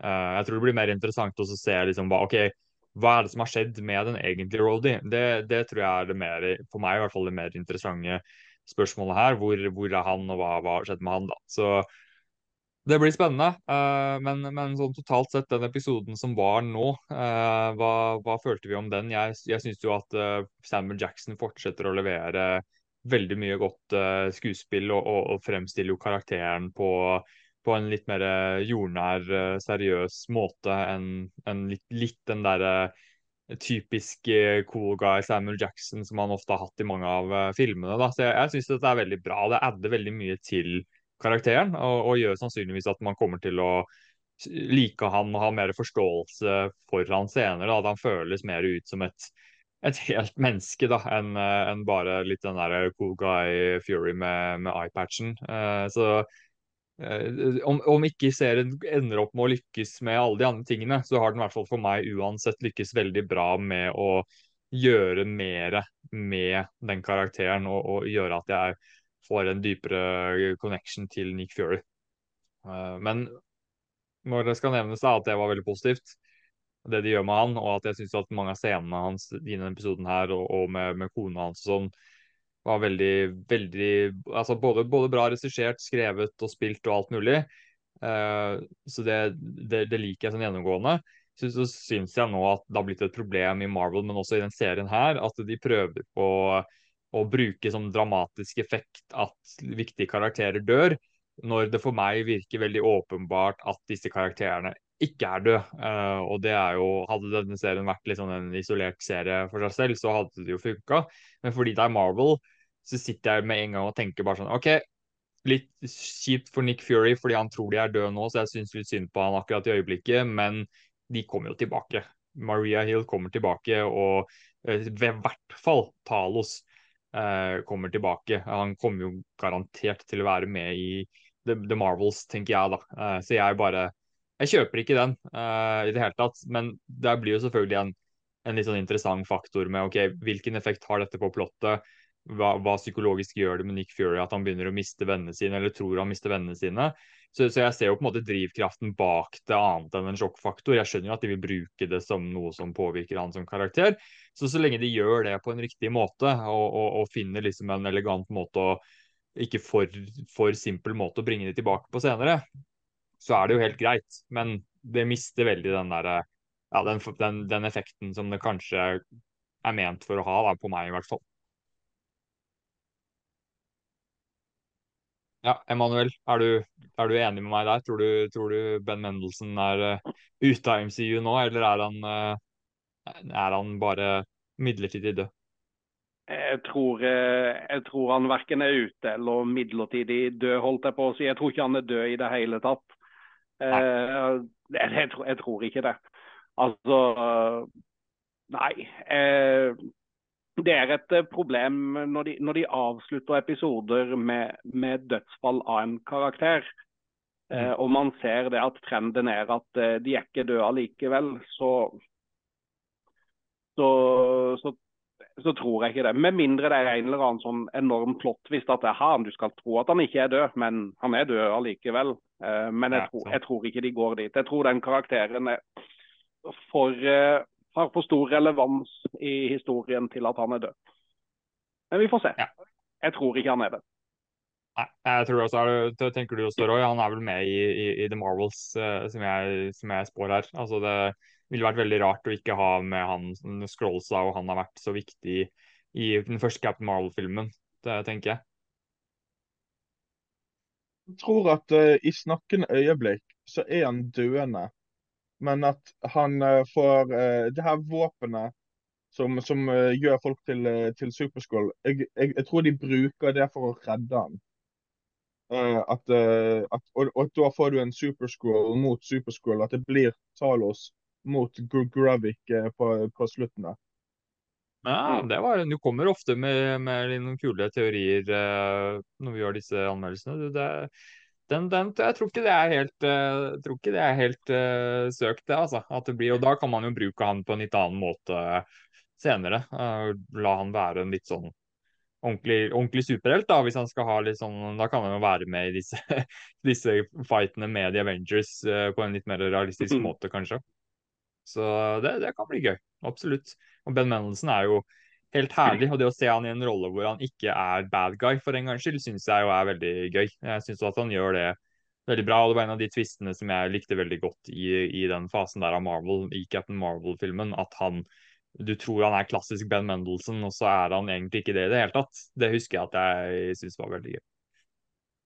Men er det noe mer eh, å si da om den episoden? Eh, Det var jo mange ting man kunne, kunne ha gått inn på, men, men vi, vi liker i hvert fall serien alle sammen. Uh, regner med at vi kommer til å kose oss veldig bra med de to siste, selv om jeg er veldig usikker på hvordan jeg kommer til å lande sånn helhetsmessig med serien. Som nevnt, jeg syns det er veldig mange ting som funker i serien, men jeg har ikke blitt sånn superdratt inn i selve hovedplottet. Jeg syns mer at det er karakteren og karakterøyeblikk her som er de store styrkene for meg, da. Jeg vil, eh, jeg vil bare legge, legge til at eh, jeg er enig i de scenene som f.eks. Med, med Samuel J. J. J. Jackson og kona, At, eh, at det gir veldig mye sånn grounded til karakteren og sånne type ting. Men Secret Invasion, da når det kom i tegneseriene, så var det kanskje en av topp fem største events som Marvel har hatt noensinne. Eh, sånn at jeg føler liksom ikke den episke spekteret som det kunne ha vært da hvis det hadde høyere budsjett og kanskje heller var en film enn en serie. Ikke sant. Ja. Men jeg kan jo se en virkelighet her hvor de velger å dra dette her over i noen av filmene som kommer senere, da. Det kan jo hende. Jeg vet ikke om det er noen sjanse for at det er en del av plottet i Captain Marvel 2, f.eks. for eksempel. jeg. Tra traileren å dømme, så, så tror jeg ikke det. For jeg, jeg tror de har mer enn nok med, med disse tre stjernene og hvordan de henger sammen. Ja, ikke sant. Ja.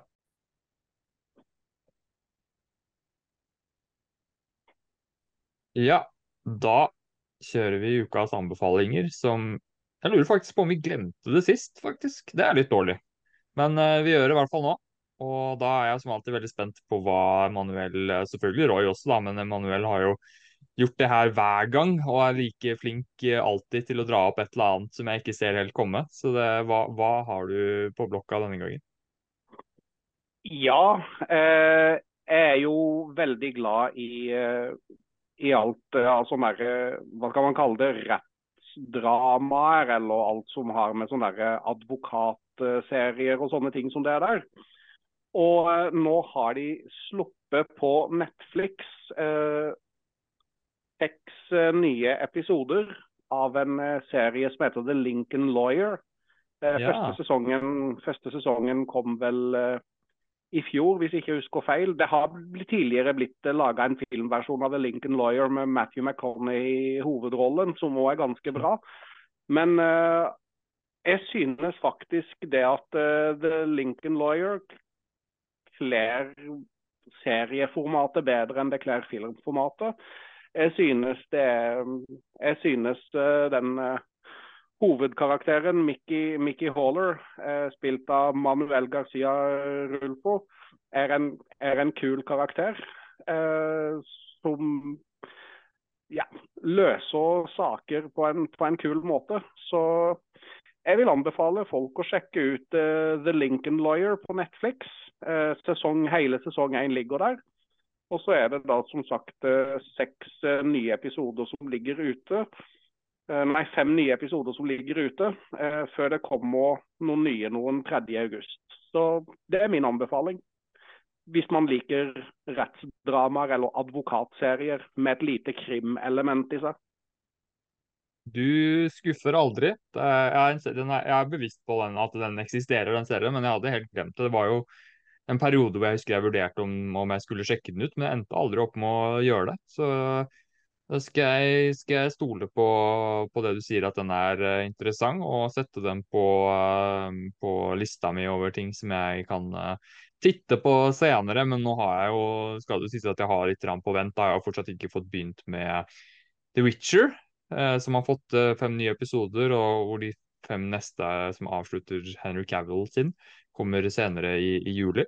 Så jeg må i hvert fall begynne der, og så får vi se om jeg får jobbet meg videre. Da. Det er jo så omfattende å begynne på nye serier. Det, det, er jo liksom, Man må jo sette av så innmari mye tid for, for, å komme inn i det. Så det er litt sånn krevende. Men um, kult, kult, at vi anbefaler uh, både serier uh, og, og, filmer. Uh, og det er jo kommet nå altså, Det er så mange streamingplattformer nå med så mye forskjellig.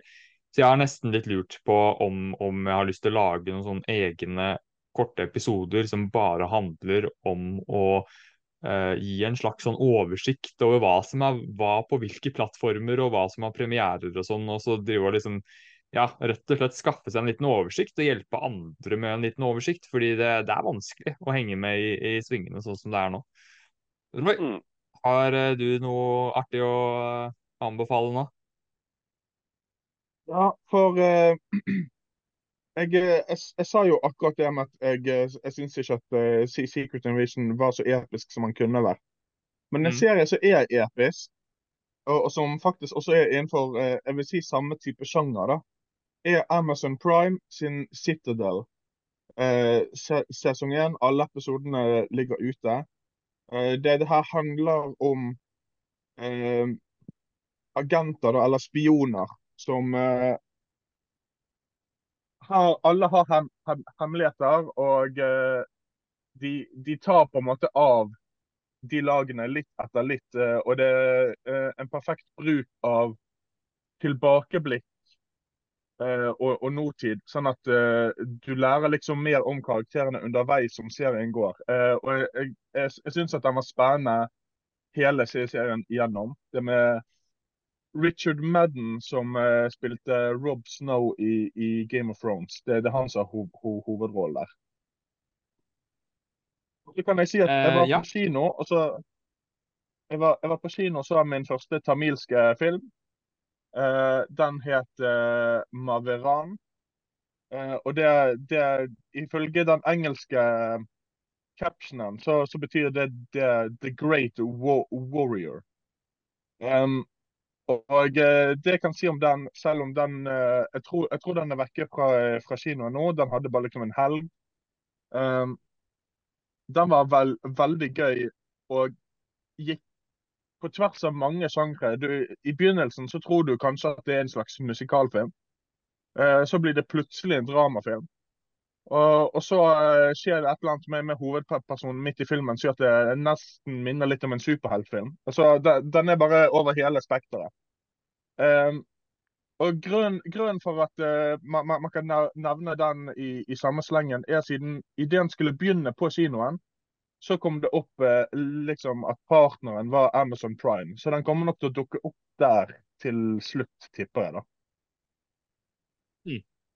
Spennende, Veldig spennende anbefalinger. Citadel har jeg jo sett på en del ganger før og hørt mye liksom blandnavn. Hørt noen liker den veldig godt, men fikk vel en del lunkne kritikker også. og Føyer seg inn i rekken med ting som brother, eh, har produsert etter, etter, Endgame, som har fått ganske så lunken uh, mottagelse. Men hvis den er så underholdende så episk som det du sier, så tror jeg fort at det blir en jeg sjekker ut uh, etter hvert også, altså. Uh, så det, jeg liker jo veldig godt den sjangeren der når de lykkes bra med det, og i hvert fall når det er uh, litt stor skala på det. Oh, sorry, jeg gjesper så mye om dagen. Jeg har ikke pleid å gjøre det før. Jeg vet ikke hva, hva som er greia. Uh, ja, nei, men uh, gode anbefalinger uh, som alltid fra dere gutta. Og, og det er jo mer enn nok som kommer fremover nå, ikke bare på kinoene, men også på, på streaming. det blir vel en liten sånn liten sånn vent nå på de aller største når Secret Innovation er ferdig, men ikke sånn veldig lenge, fordi uh, Asoka kommer jo i slutten av august, Star Wars-serien. og Det er den siste lille tingen jeg har lyst til å nevne nå. Det er jo at det kom jo en, en lengre ny trailer for den for relativt kort tid siden, som jeg ble veldig hyped på. Som du nevner ordet episk. Jeg syns den så veldig episk ut til å være en Disney pluss eh, Star Wars-serie. Selv om de har jo lykkes bra med med både Mandalorian og, og Andor og, og, og til dels Obi-Wan òg, hvor det var jo episke øyeblikk eh, der også. Men det var liksom mye i den traileren her som fikk Det føltes ut som de hadde dratt det et steg lenger. da, At det, føltes nesten litt mer ut som den skalaen du ville hatt på en Star Wars-kinofilm. Uh, Så jeg håper det er greia i, i serien, uh, og det er jo min uh, min sånn anbefaling, selv om det ikke er noe jeg har sett ennå, så er det min anbefaling er å, å gi Asoka en sjanse når den kommer ut. I hvert fall hvis man har likt litt Star Wars før, for jeg tror at det kommer til å bli kanskje det mest underholdende av alle Star Wars-seriene de har lagd til nå, ut fra det jeg har sett og det jeg vet om potensialet i, i det materialet de skal velge å ta tak i der. Da. Så tror jeg det kommer til å bli en utrolig kul blanding av uh, de elementene som Star Wars er veldig kjent for, med mye lightsabers og Jedis og Force users, eh, blanda inn med en, ganske mange sånne nye ting som i hvert fall vil være veldig nytt og annerledes for mange som bare har sett Star Wars-filmene. da, Hvor de skal trekke inn mange ting fra eh, animasjonsserier, bøker eh, og, og, det liksom større universet rundt. da, Kommer til å åpne opp mye av det universet som de spesielt interesserte vet eksisterer, men som veldig mange andre ikke har eh, fått uh, opplevd ennå. Så det er veldig spent. Nå kan jo være at jeg anbefaler noe som kommer til å ende opp med å være dårlig eller skuffende, men jeg er i hvert fall ekstremt hyped for uh, Asoka som kommer i, helt i slutten av august. Roy rekker opp hånda nok en gang her. Kan, kan at jeg har hørt feil, men jeg har hørt uh, rykter om at skurken i serien skal være Grand Admiral Thrawn. Uh, og, og, at han skal gå videre inn i Mandalorian-verse-filmen som, som, vil komme. Sånn at det, det jo veldig spennende. Jeg, jeg leste en, en limited e-, edition-tegneserie uh, om Thrawn. Og han, mm. han, er jo en, en veldig in interessant karakter å bruke. da. Ja, ja, nei, det, det, du sier der, tror jeg vel er sånn nesten 100 bekrefta. Uh, og det er Thrawn som er bad guyen i Asoka. Det vet vi. Han er i traileren. Lars Mikkelsen spiller han. Uh, broren til Mats Mikkelsen. Uh, og han var på Celebration, så det er ingen hemmelighet. det ble annonsert der når han kom ut på scenen. og han er veldig, en veldig karismatisk karakter, spilt av en veldig karismatisk skuespiller.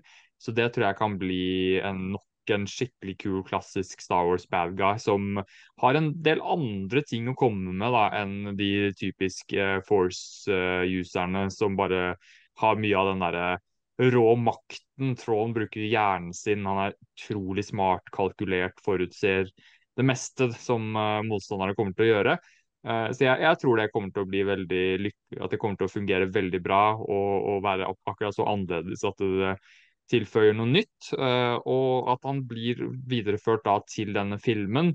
Det er vel ikke helt bekrefta, men det er veldig mye som tyder på at det er det de bygger opp til. Da. Og dette er jo da trukket ut fra en bokserie og, og ting som ble skapt når George Lucas hadde pause mellom sine to trilogier, hvor det da var mye av det fans kjente til som fortsettelsen på episode 4, 5 og 6, og som veldig mange da, av de hardcore fansa ble skuffet over at ikke var en del av den fortsettelsen man fikk i 7, 8, 9.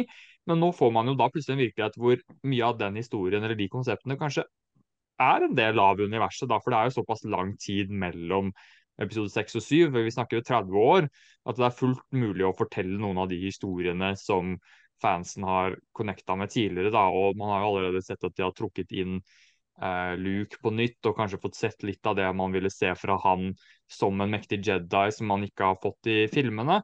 Så, så, det virker som at de driver og liksom bygger noen fine broer her da, mellom de to trilogiene, og skal liksom gi litt sånn ekstra til de fansen som ikke føler at de har fått alt. Men samtidig også ha fokus på å gjøre noe nytt med det, da, sånn at ikke det bare blir en sånn checklist av hva fansen har savna eller fans vil ha. Da. Så jeg tror det blir veldig kult. Uh, og så får vi da se i hvor stor grad uh, det her klarer å connecte med de andre seriene. Da. Det, det er jo liksom alltid litt sånn hit og miss for meg da, når de skal bygge broer mellom ting. Når ting kan bli litt for sånn mellomting. Man venter på en serie, og så skal en annen serie bare bygge opp til den og sånn. Altså, det er fordeler og ulemper med det, men akkurat sånn isolert sett med denne Soka-serien, så har jeg full tro på at, den, at det kommer til å bli en, en, veldig stor hit. Og det trenger Disney pluss, i hvert fall Star Wars nå, for det har gått litt sånn nedover med seertallene, spesielt etter uh,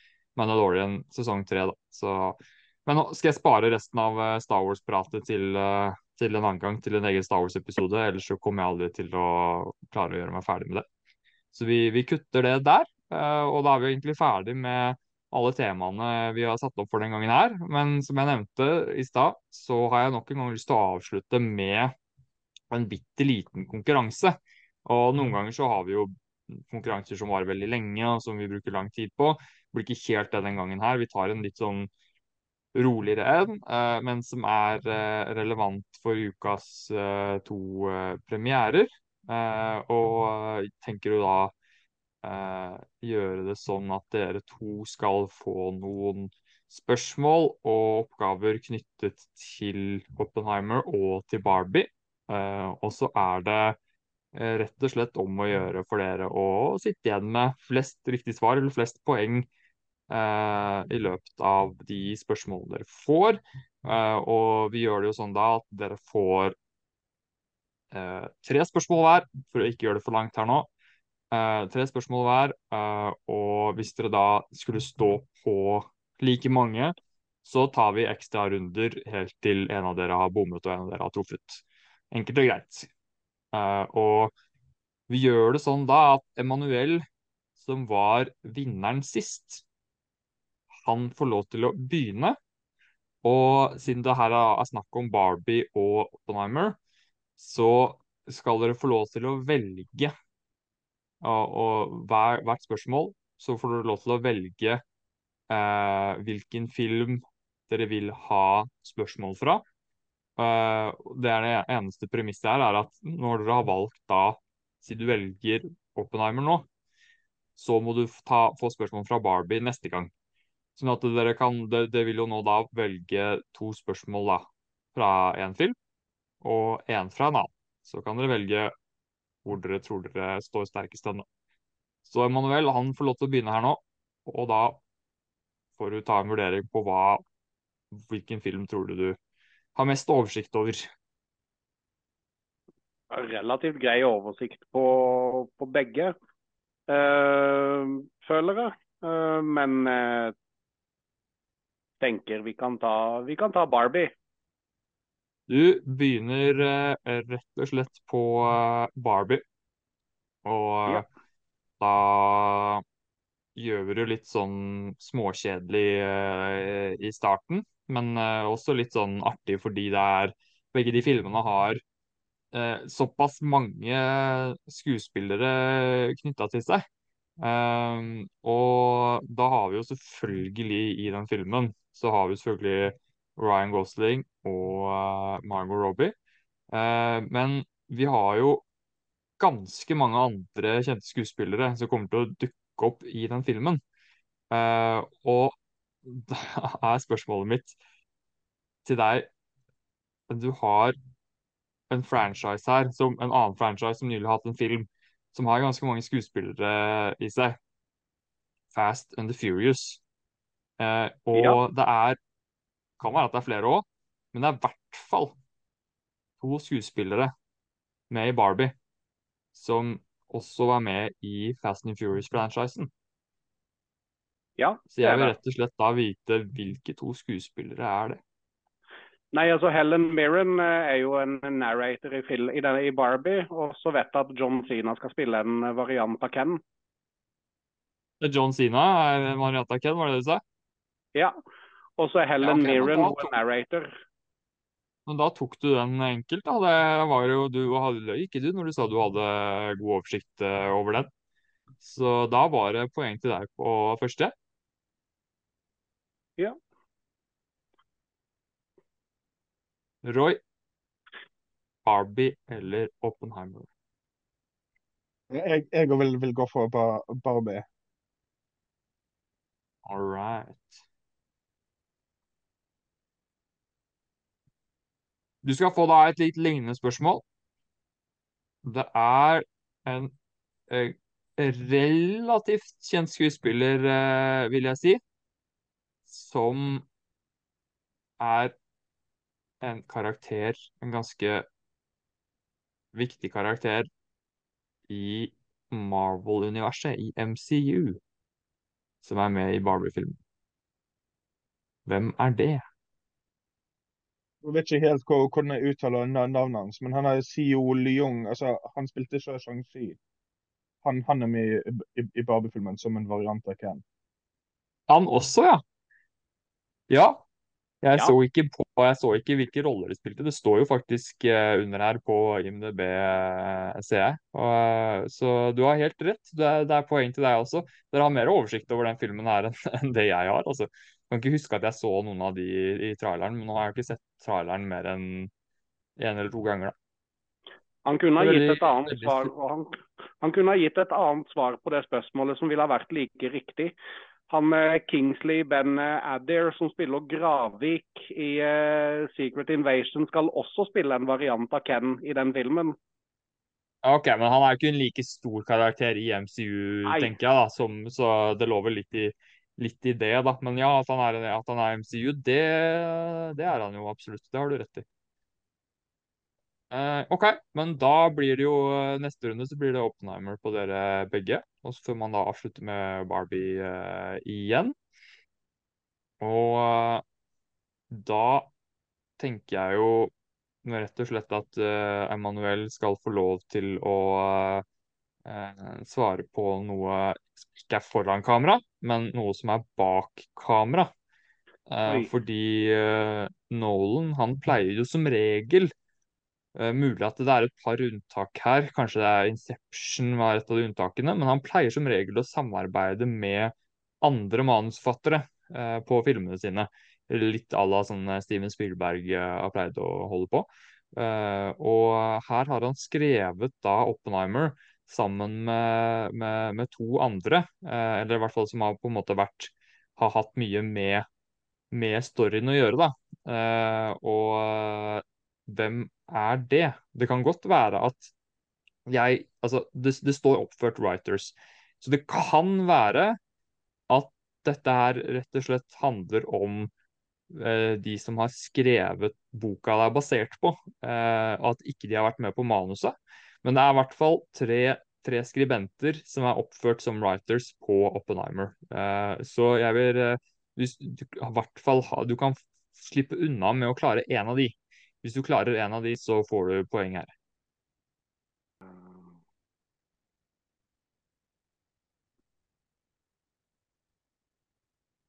Var den tøff? Ja, den var tøff. Den var veldig, veldig Den var veldig tøff. Eh,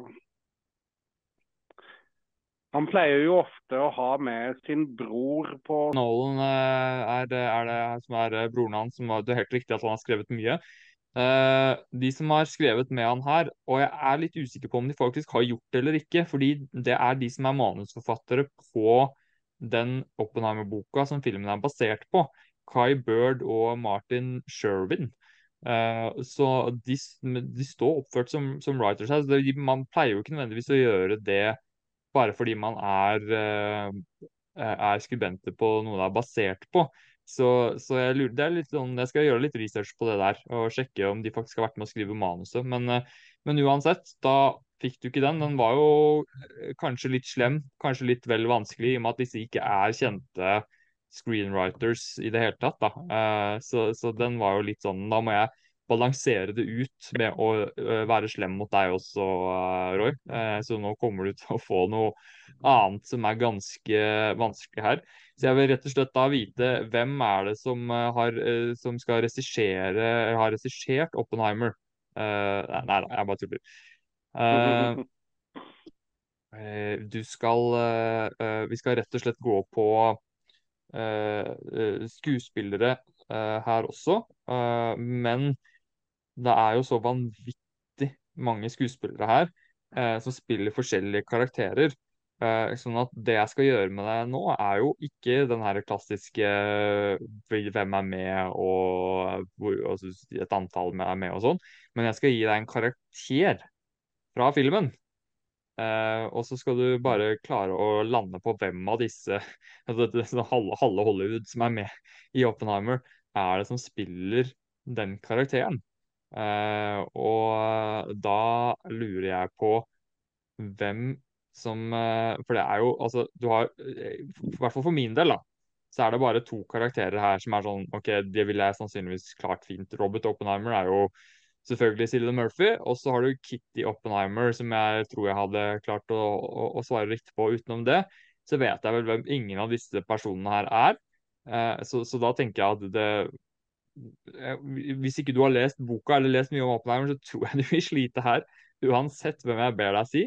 Eh, og jeg gir deg da et navn nå, og så skal du prøve å si, si hvilken skuespiller.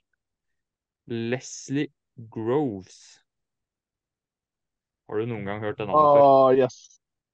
yes. Har du? Uh, det var, det var den, den eneste andre karakteren som jeg visste. Det er Matt, Matt Damon sin rolle. Oi, oi, oi, wow. Nå er jeg, det er imponert. Hvordan visste du det? Nei, siden um, jeg, jeg, sjekket litt opp i, i Oppenheimer altså når, når, jeg så traileren, så sjekket jeg litt, opp i Wikipedia-siden. Og da, da, faller jeg ned, ned i sånne rabbit hole hvor jeg trykker meg inn på artikkel etter artikkel. Og akkurat det navnet satt litt uh, fast der, siden Le Leslie ikke er sånn veldig uh, vanlig guttenavn for, for, min del. Ja, men der, der hadde du Det var imponerende. Du, du tok den. Litt flaks òg, at jeg valgte han og ikke uh, karakteren til Jason Clark eller Robert Downey jr. eller, eller Olden Aaron Reich, som også er med her. Men, eller Kenneth Branagh, for den saks skyld. er jo det er jo nesten ingen som ikke er med i den filmen her.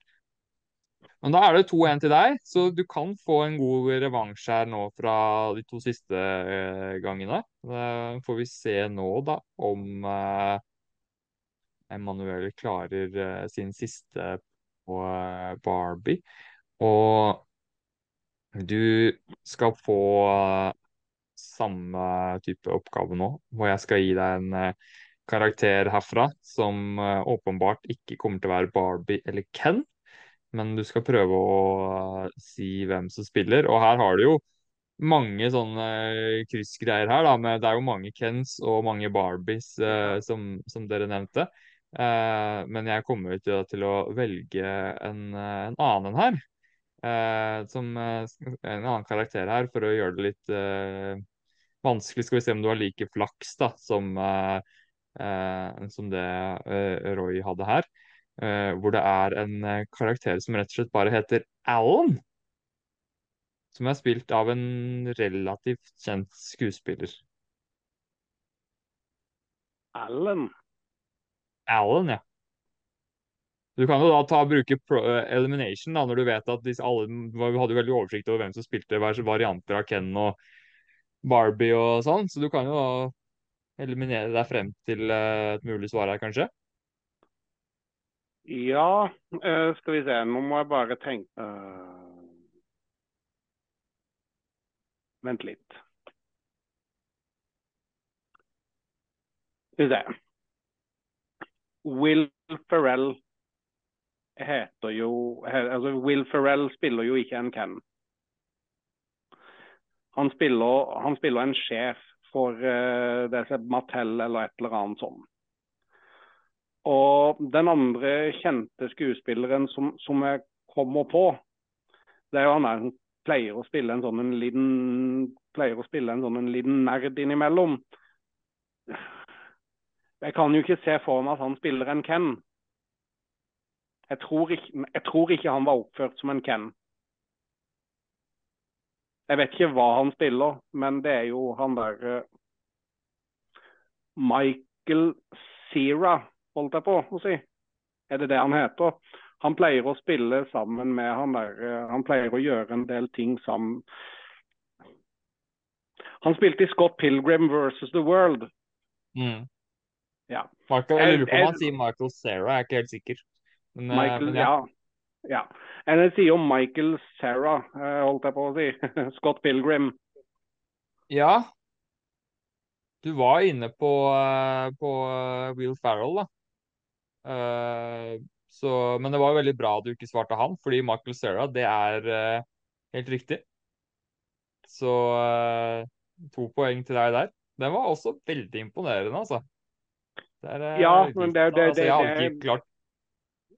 det er gjetting, altså. Det er gjetting. Det er ikke Dette skal jeg ikke si at jeg kunne.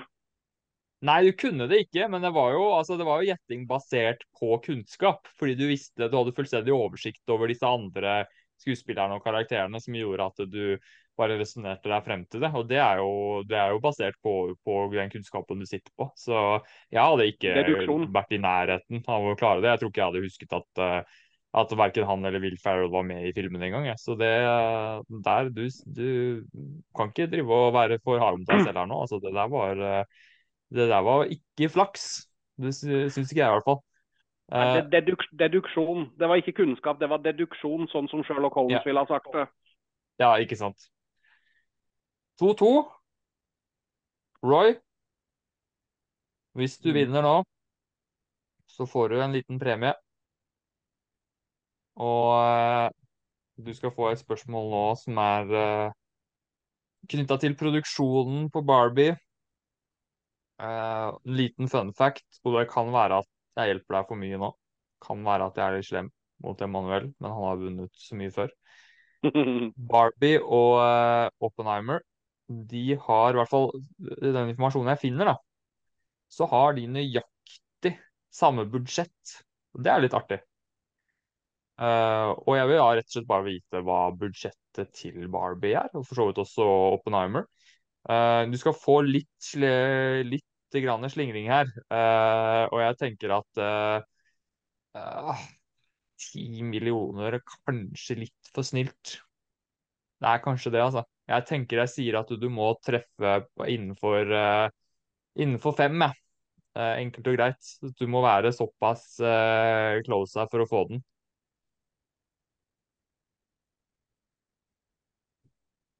Um,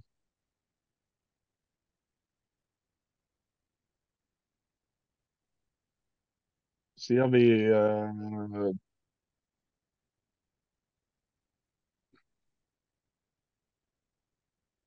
2,75. Du sier hva for noe, sa du? Så 275 milli millioner. 275 millioner? Oi, oi, oi. Nei, altså, det hadde jo vært helt ekstremt for den filmen. Uh, så nei, det, det, jeg må si at du er ganske langt unna, unna der. Uh, veldig, veldig langt unna. Uh, Oppenheimer er jo den filmen til Nolan på veldig lenge som har lavest budsjett. Barbie har nok ganske høyt budsjett i forhold til hva slags type film det er. Begge to er på 100 millioner. så de trenger jo ikke å tjene mer enn kanskje rundt 300 da, for å gå i pluss, tenker jeg da. Men det betyr at det fortsatt er likt mellom dere, så da må man ha en ekstra runde her for å prøve å avgjøre vinneren. Og da er det jo sånn at da går man jo tilbake igjen til Oppenheimer. Og nå må vi også gå på noe uh, behind the scenes her. Uh, og nå skal jeg igjen være litt grann slem her, uh, men det er noe vi nevnte tidligere i innspillingen. Så hvis man har fulgt nøye med og har litt klister i hjernen, så kan det ha festet seg manuelt. og jeg vil rett og slett vite hva boka som Oppenheimer er basert på, som disse manusforfatterne jeg nevnte i stad, Kai Bird og Martin Sherwin, har skrevet hva den heter. Uh, jeg skulle til å si uh, Emil i Lønneberget, men det er det jo ikke. Det er American Prometheus. Nå hørte jeg ikke hva du sa, lyden forsvant. Nei, Jeg bare tulla litt og sa Emil i Lønneberget, men det er American ja, ja. Prometheus. Ja, du huska det. Så ja, bra. Fikk, kunne du det fra før av, eller plukka du det opp i stad? Den kunne jeg fra før av. OK. Poeng til uh, Manuel skal du sitte igjen som vinner. Og Roy, skal jeg da spørre deg om uh, hva Barbie er basert på? det er vel kanskje ikke så vanskelig. Men uh, du skal få uh, en annen behind the scenes som var noe jeg vurderte å spørre på om Oppenheimer, men det hadde rett og slett blitt for lett å, på Oppenheimer, tror jeg. Men jeg lurer på om du har peiling på hvem som har eh, komponert musikken til Nei, vet du hva, vet du hva, nå surrer jeg. Du skal jo, du er, dere er jo på samme, du skal jo få Oppenheimer-spørsmål, du òg. Sorry. Sorry. Nå driver jeg og tuller fælt her. Eh, jeg vil ha navnet på eh, fotografen som Nolan har jobbet med på Oppenheimer jeg er veldig spesielt interessert, ikke sånn sykt interessert, men jeg er ganske interessert i cinematografi, så jeg pleier ofte å få med meg hvem som er uh, fotografen på mange av de største filmene.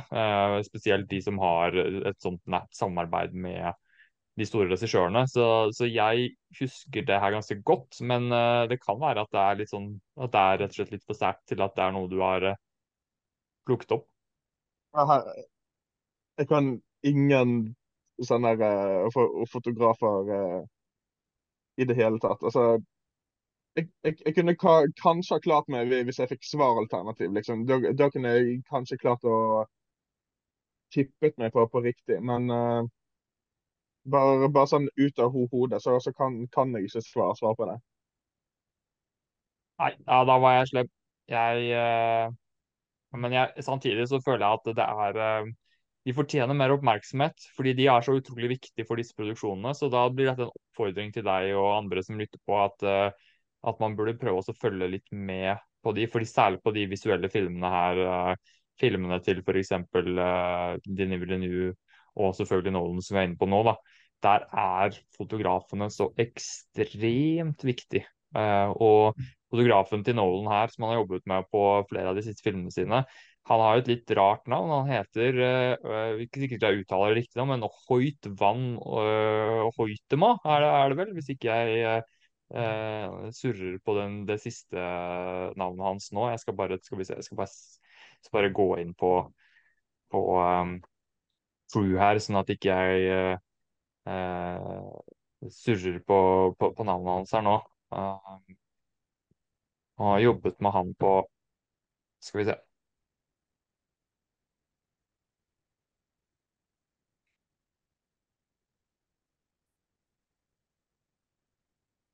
Ja, Hoit van Hoitema er uh, Nolan sin uh, fotograf, som han også jobbet med på uh, Dunkerque, uh, Tennant og Interstellar. Han er også fotografen på Jordan Peele sin Nope, så han er verdt å, å merke seg. Han gjør ekstremt mye spennende med kamerabruken. Da. Så syns det er eh, disse fotografene fortjener mer, mer creds. Altså, det er en grunn til at mange av de regissørene holder seg til samme fotograf om igjen og om igjen. og om igjen. Litt det samme som de gjør med mange eh, composers. Men eh, hvis jeg hadde spurt deg om hvem som hadde komponert eh, musikken, hadde du truffet da? på, på, eh, på Oppenheimer. Ja, på Oppenheimer. Eh, ikke det han der eh, Lud Ludvig eh, Göransson, eller hva han heter? Ja, stemmer. Stemmer. Da hadde du, Hvis jeg hadde tatt den, så hadde du holdt deg på uavgjort. Men jeg gikk for den mer tricky der. Sorry. Jeg trodde du skulle ta hevn på Emanuel den gangen her, men du står igjen som vinneren for uh, tredje gang på rad, Emanuel. Det er uh, veldig, uh, veldig, veldig bra. og liksom litt begrensa på hva slags premier jeg kan tilby her, uten at jeg må begynne å liksom bla ned i lommeboka eller gi ut uh, gratis som gavekort på kinobilletter og sånne ting. Men jeg tenker vi holder oss mest mulig til innhold på kanalen. og jeg vet jo at du er glad i i hvert fall fått inntrykk av de siste ukene, at du er relativt glad i lister og rangeringer. Så Sist gang så fikk du lov til å velge da en tema for en spesialepisode. Denne gangen så skal du få lov til å velge eller annet. Det kan være hva som helst. Eh, snakk om filmsjangere, filmserier, skuespillere, regissører. Men at du skal velge en liste som vi skal lage.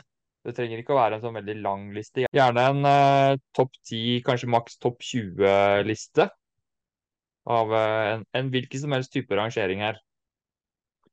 Ja, men vet du hva? Da tenker jeg det at eh, vi kan uh, kjøre en For at ikke det skal bli for langt, og for at ikke vi skal ta og utlevere oss selv altfor mye. Og hvis vi Ja. Topp fem guilty pleasures. Mm. Den er fin. Den er veldig fin. Den liker jeg. Man begynner ja. å tenke allerede her. For jeg syns det er vanskelig å definere noen ganger, bestemme meg for hva jeg syns er en guilty pleasure eller ikke. Men vi må vel ha noen sånne enkle kriterier her på at uh, altså, Det er jo litt på hva man føler på selv, selvfølgelig. Men også litt sånn at det må jo være da en film som At konsensusen hos veldig mange er at det ikke er en spesielt god film, uh, men at man fortsatt koser seg veldig med den.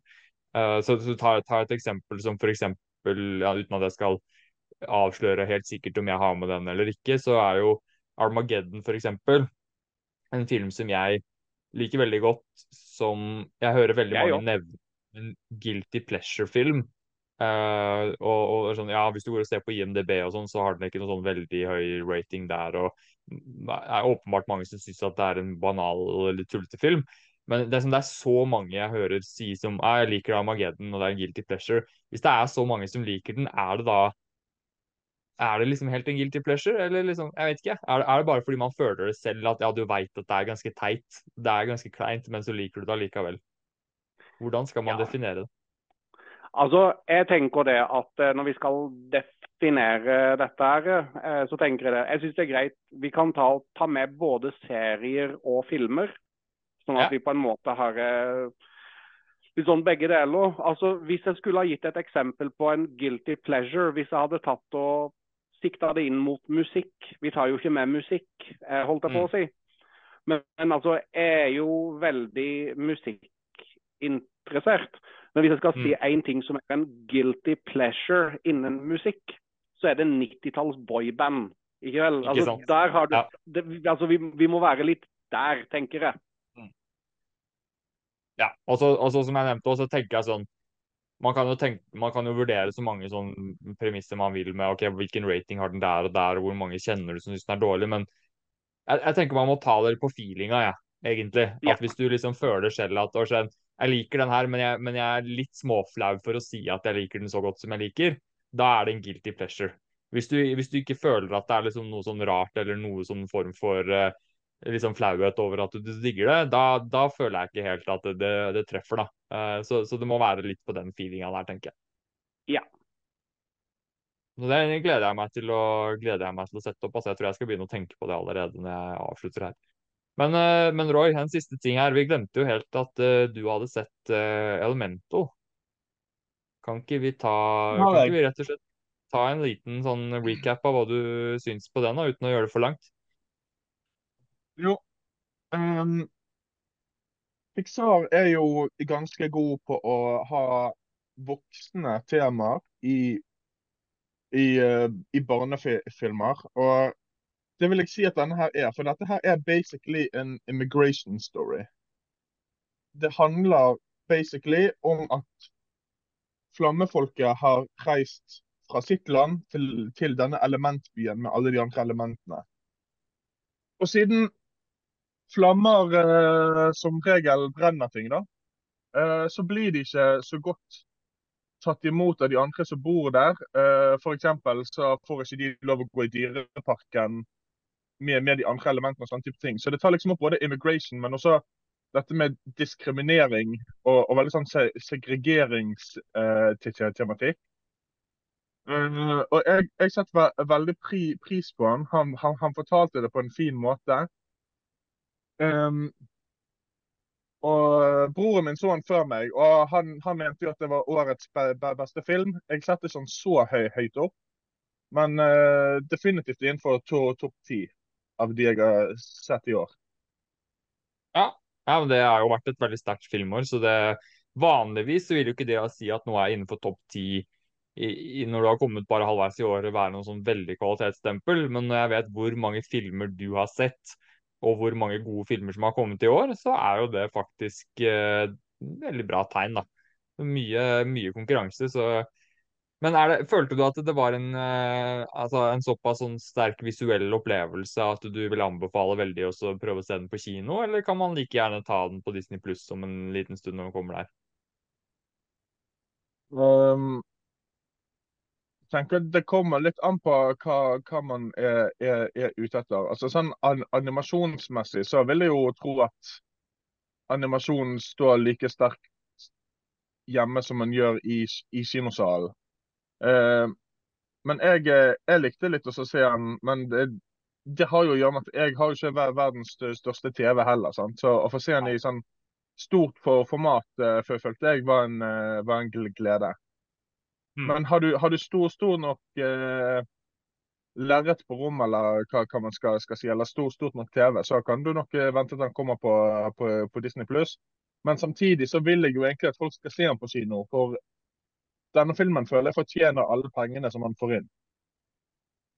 Ja, Nei, absolutt. Det er ofte det jeg syns om Pixar-filmer sånn generelt. At de, de, de, de, er blant de få veldig sånn originale konseptene som eh, Disney ofte prøver å ta tak i. Eh, så det er veldig kult å se de gangene hvor det lykkes veldig bra, og det resulterer jo i at de tør å prøve mer på det istedenfor å kjøre altfor mye remakes og oppfølgere og sånn, selv om det er ålreit, det òg, men det må blandes inn med noe originalt. Og det er Pixar eh, veldig gode på. Så kanskje det ikke er en dum ting å prøve å støtte det med å eh, betale for uh, på kinobilletten der, altså. Så i hvert fall hvis man skal være sånn som sitter og, sitter og klager litt over at filmbransjen er for ensformig og for trygg, så hvis man mener noe med det, så gå ut og støtt originale konsepter som Elemental, da.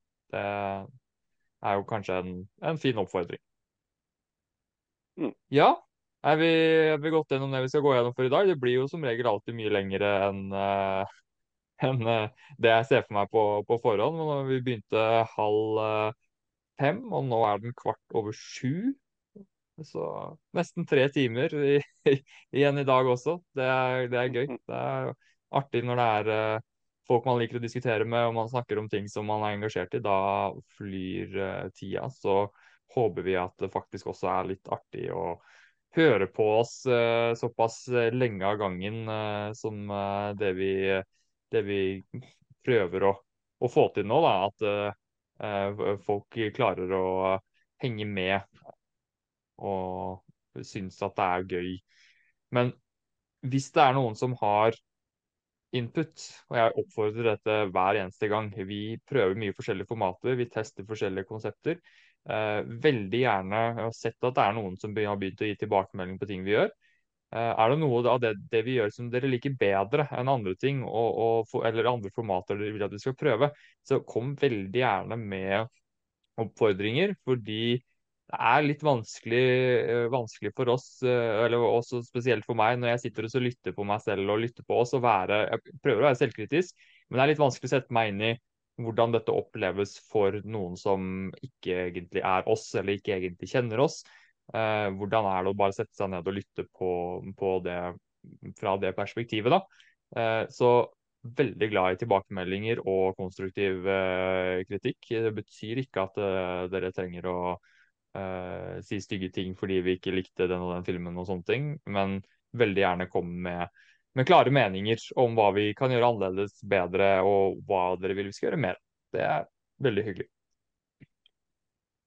Da sier vi takk for denne gangen, og så blir det jo ganske garantert uh, noen fine runder uh, etter at uh, vi har fått sett Barbie og Oppenheimer.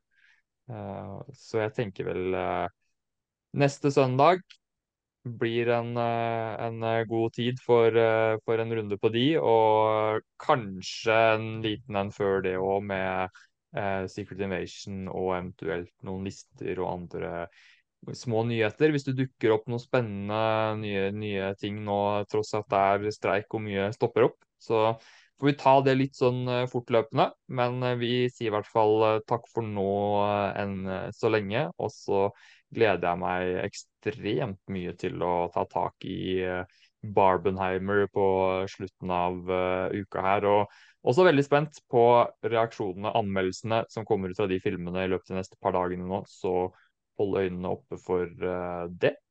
Så siste lille spådom angående det. Jeg liker, liker å prøve å liksom tippe her og tippe riktig. Jeg har lyst på en, en prediction på hvor mange prosent Barbie og Oppenheimer lander på på Rotten Tomatoes. Og jeg sier 92% på Oppenheimer og 85 på Barbie. Skal vi da Critics eller uh, Audience? Nå tenkte jeg på uh, Critics. Det er det vi får først her nå. Ja.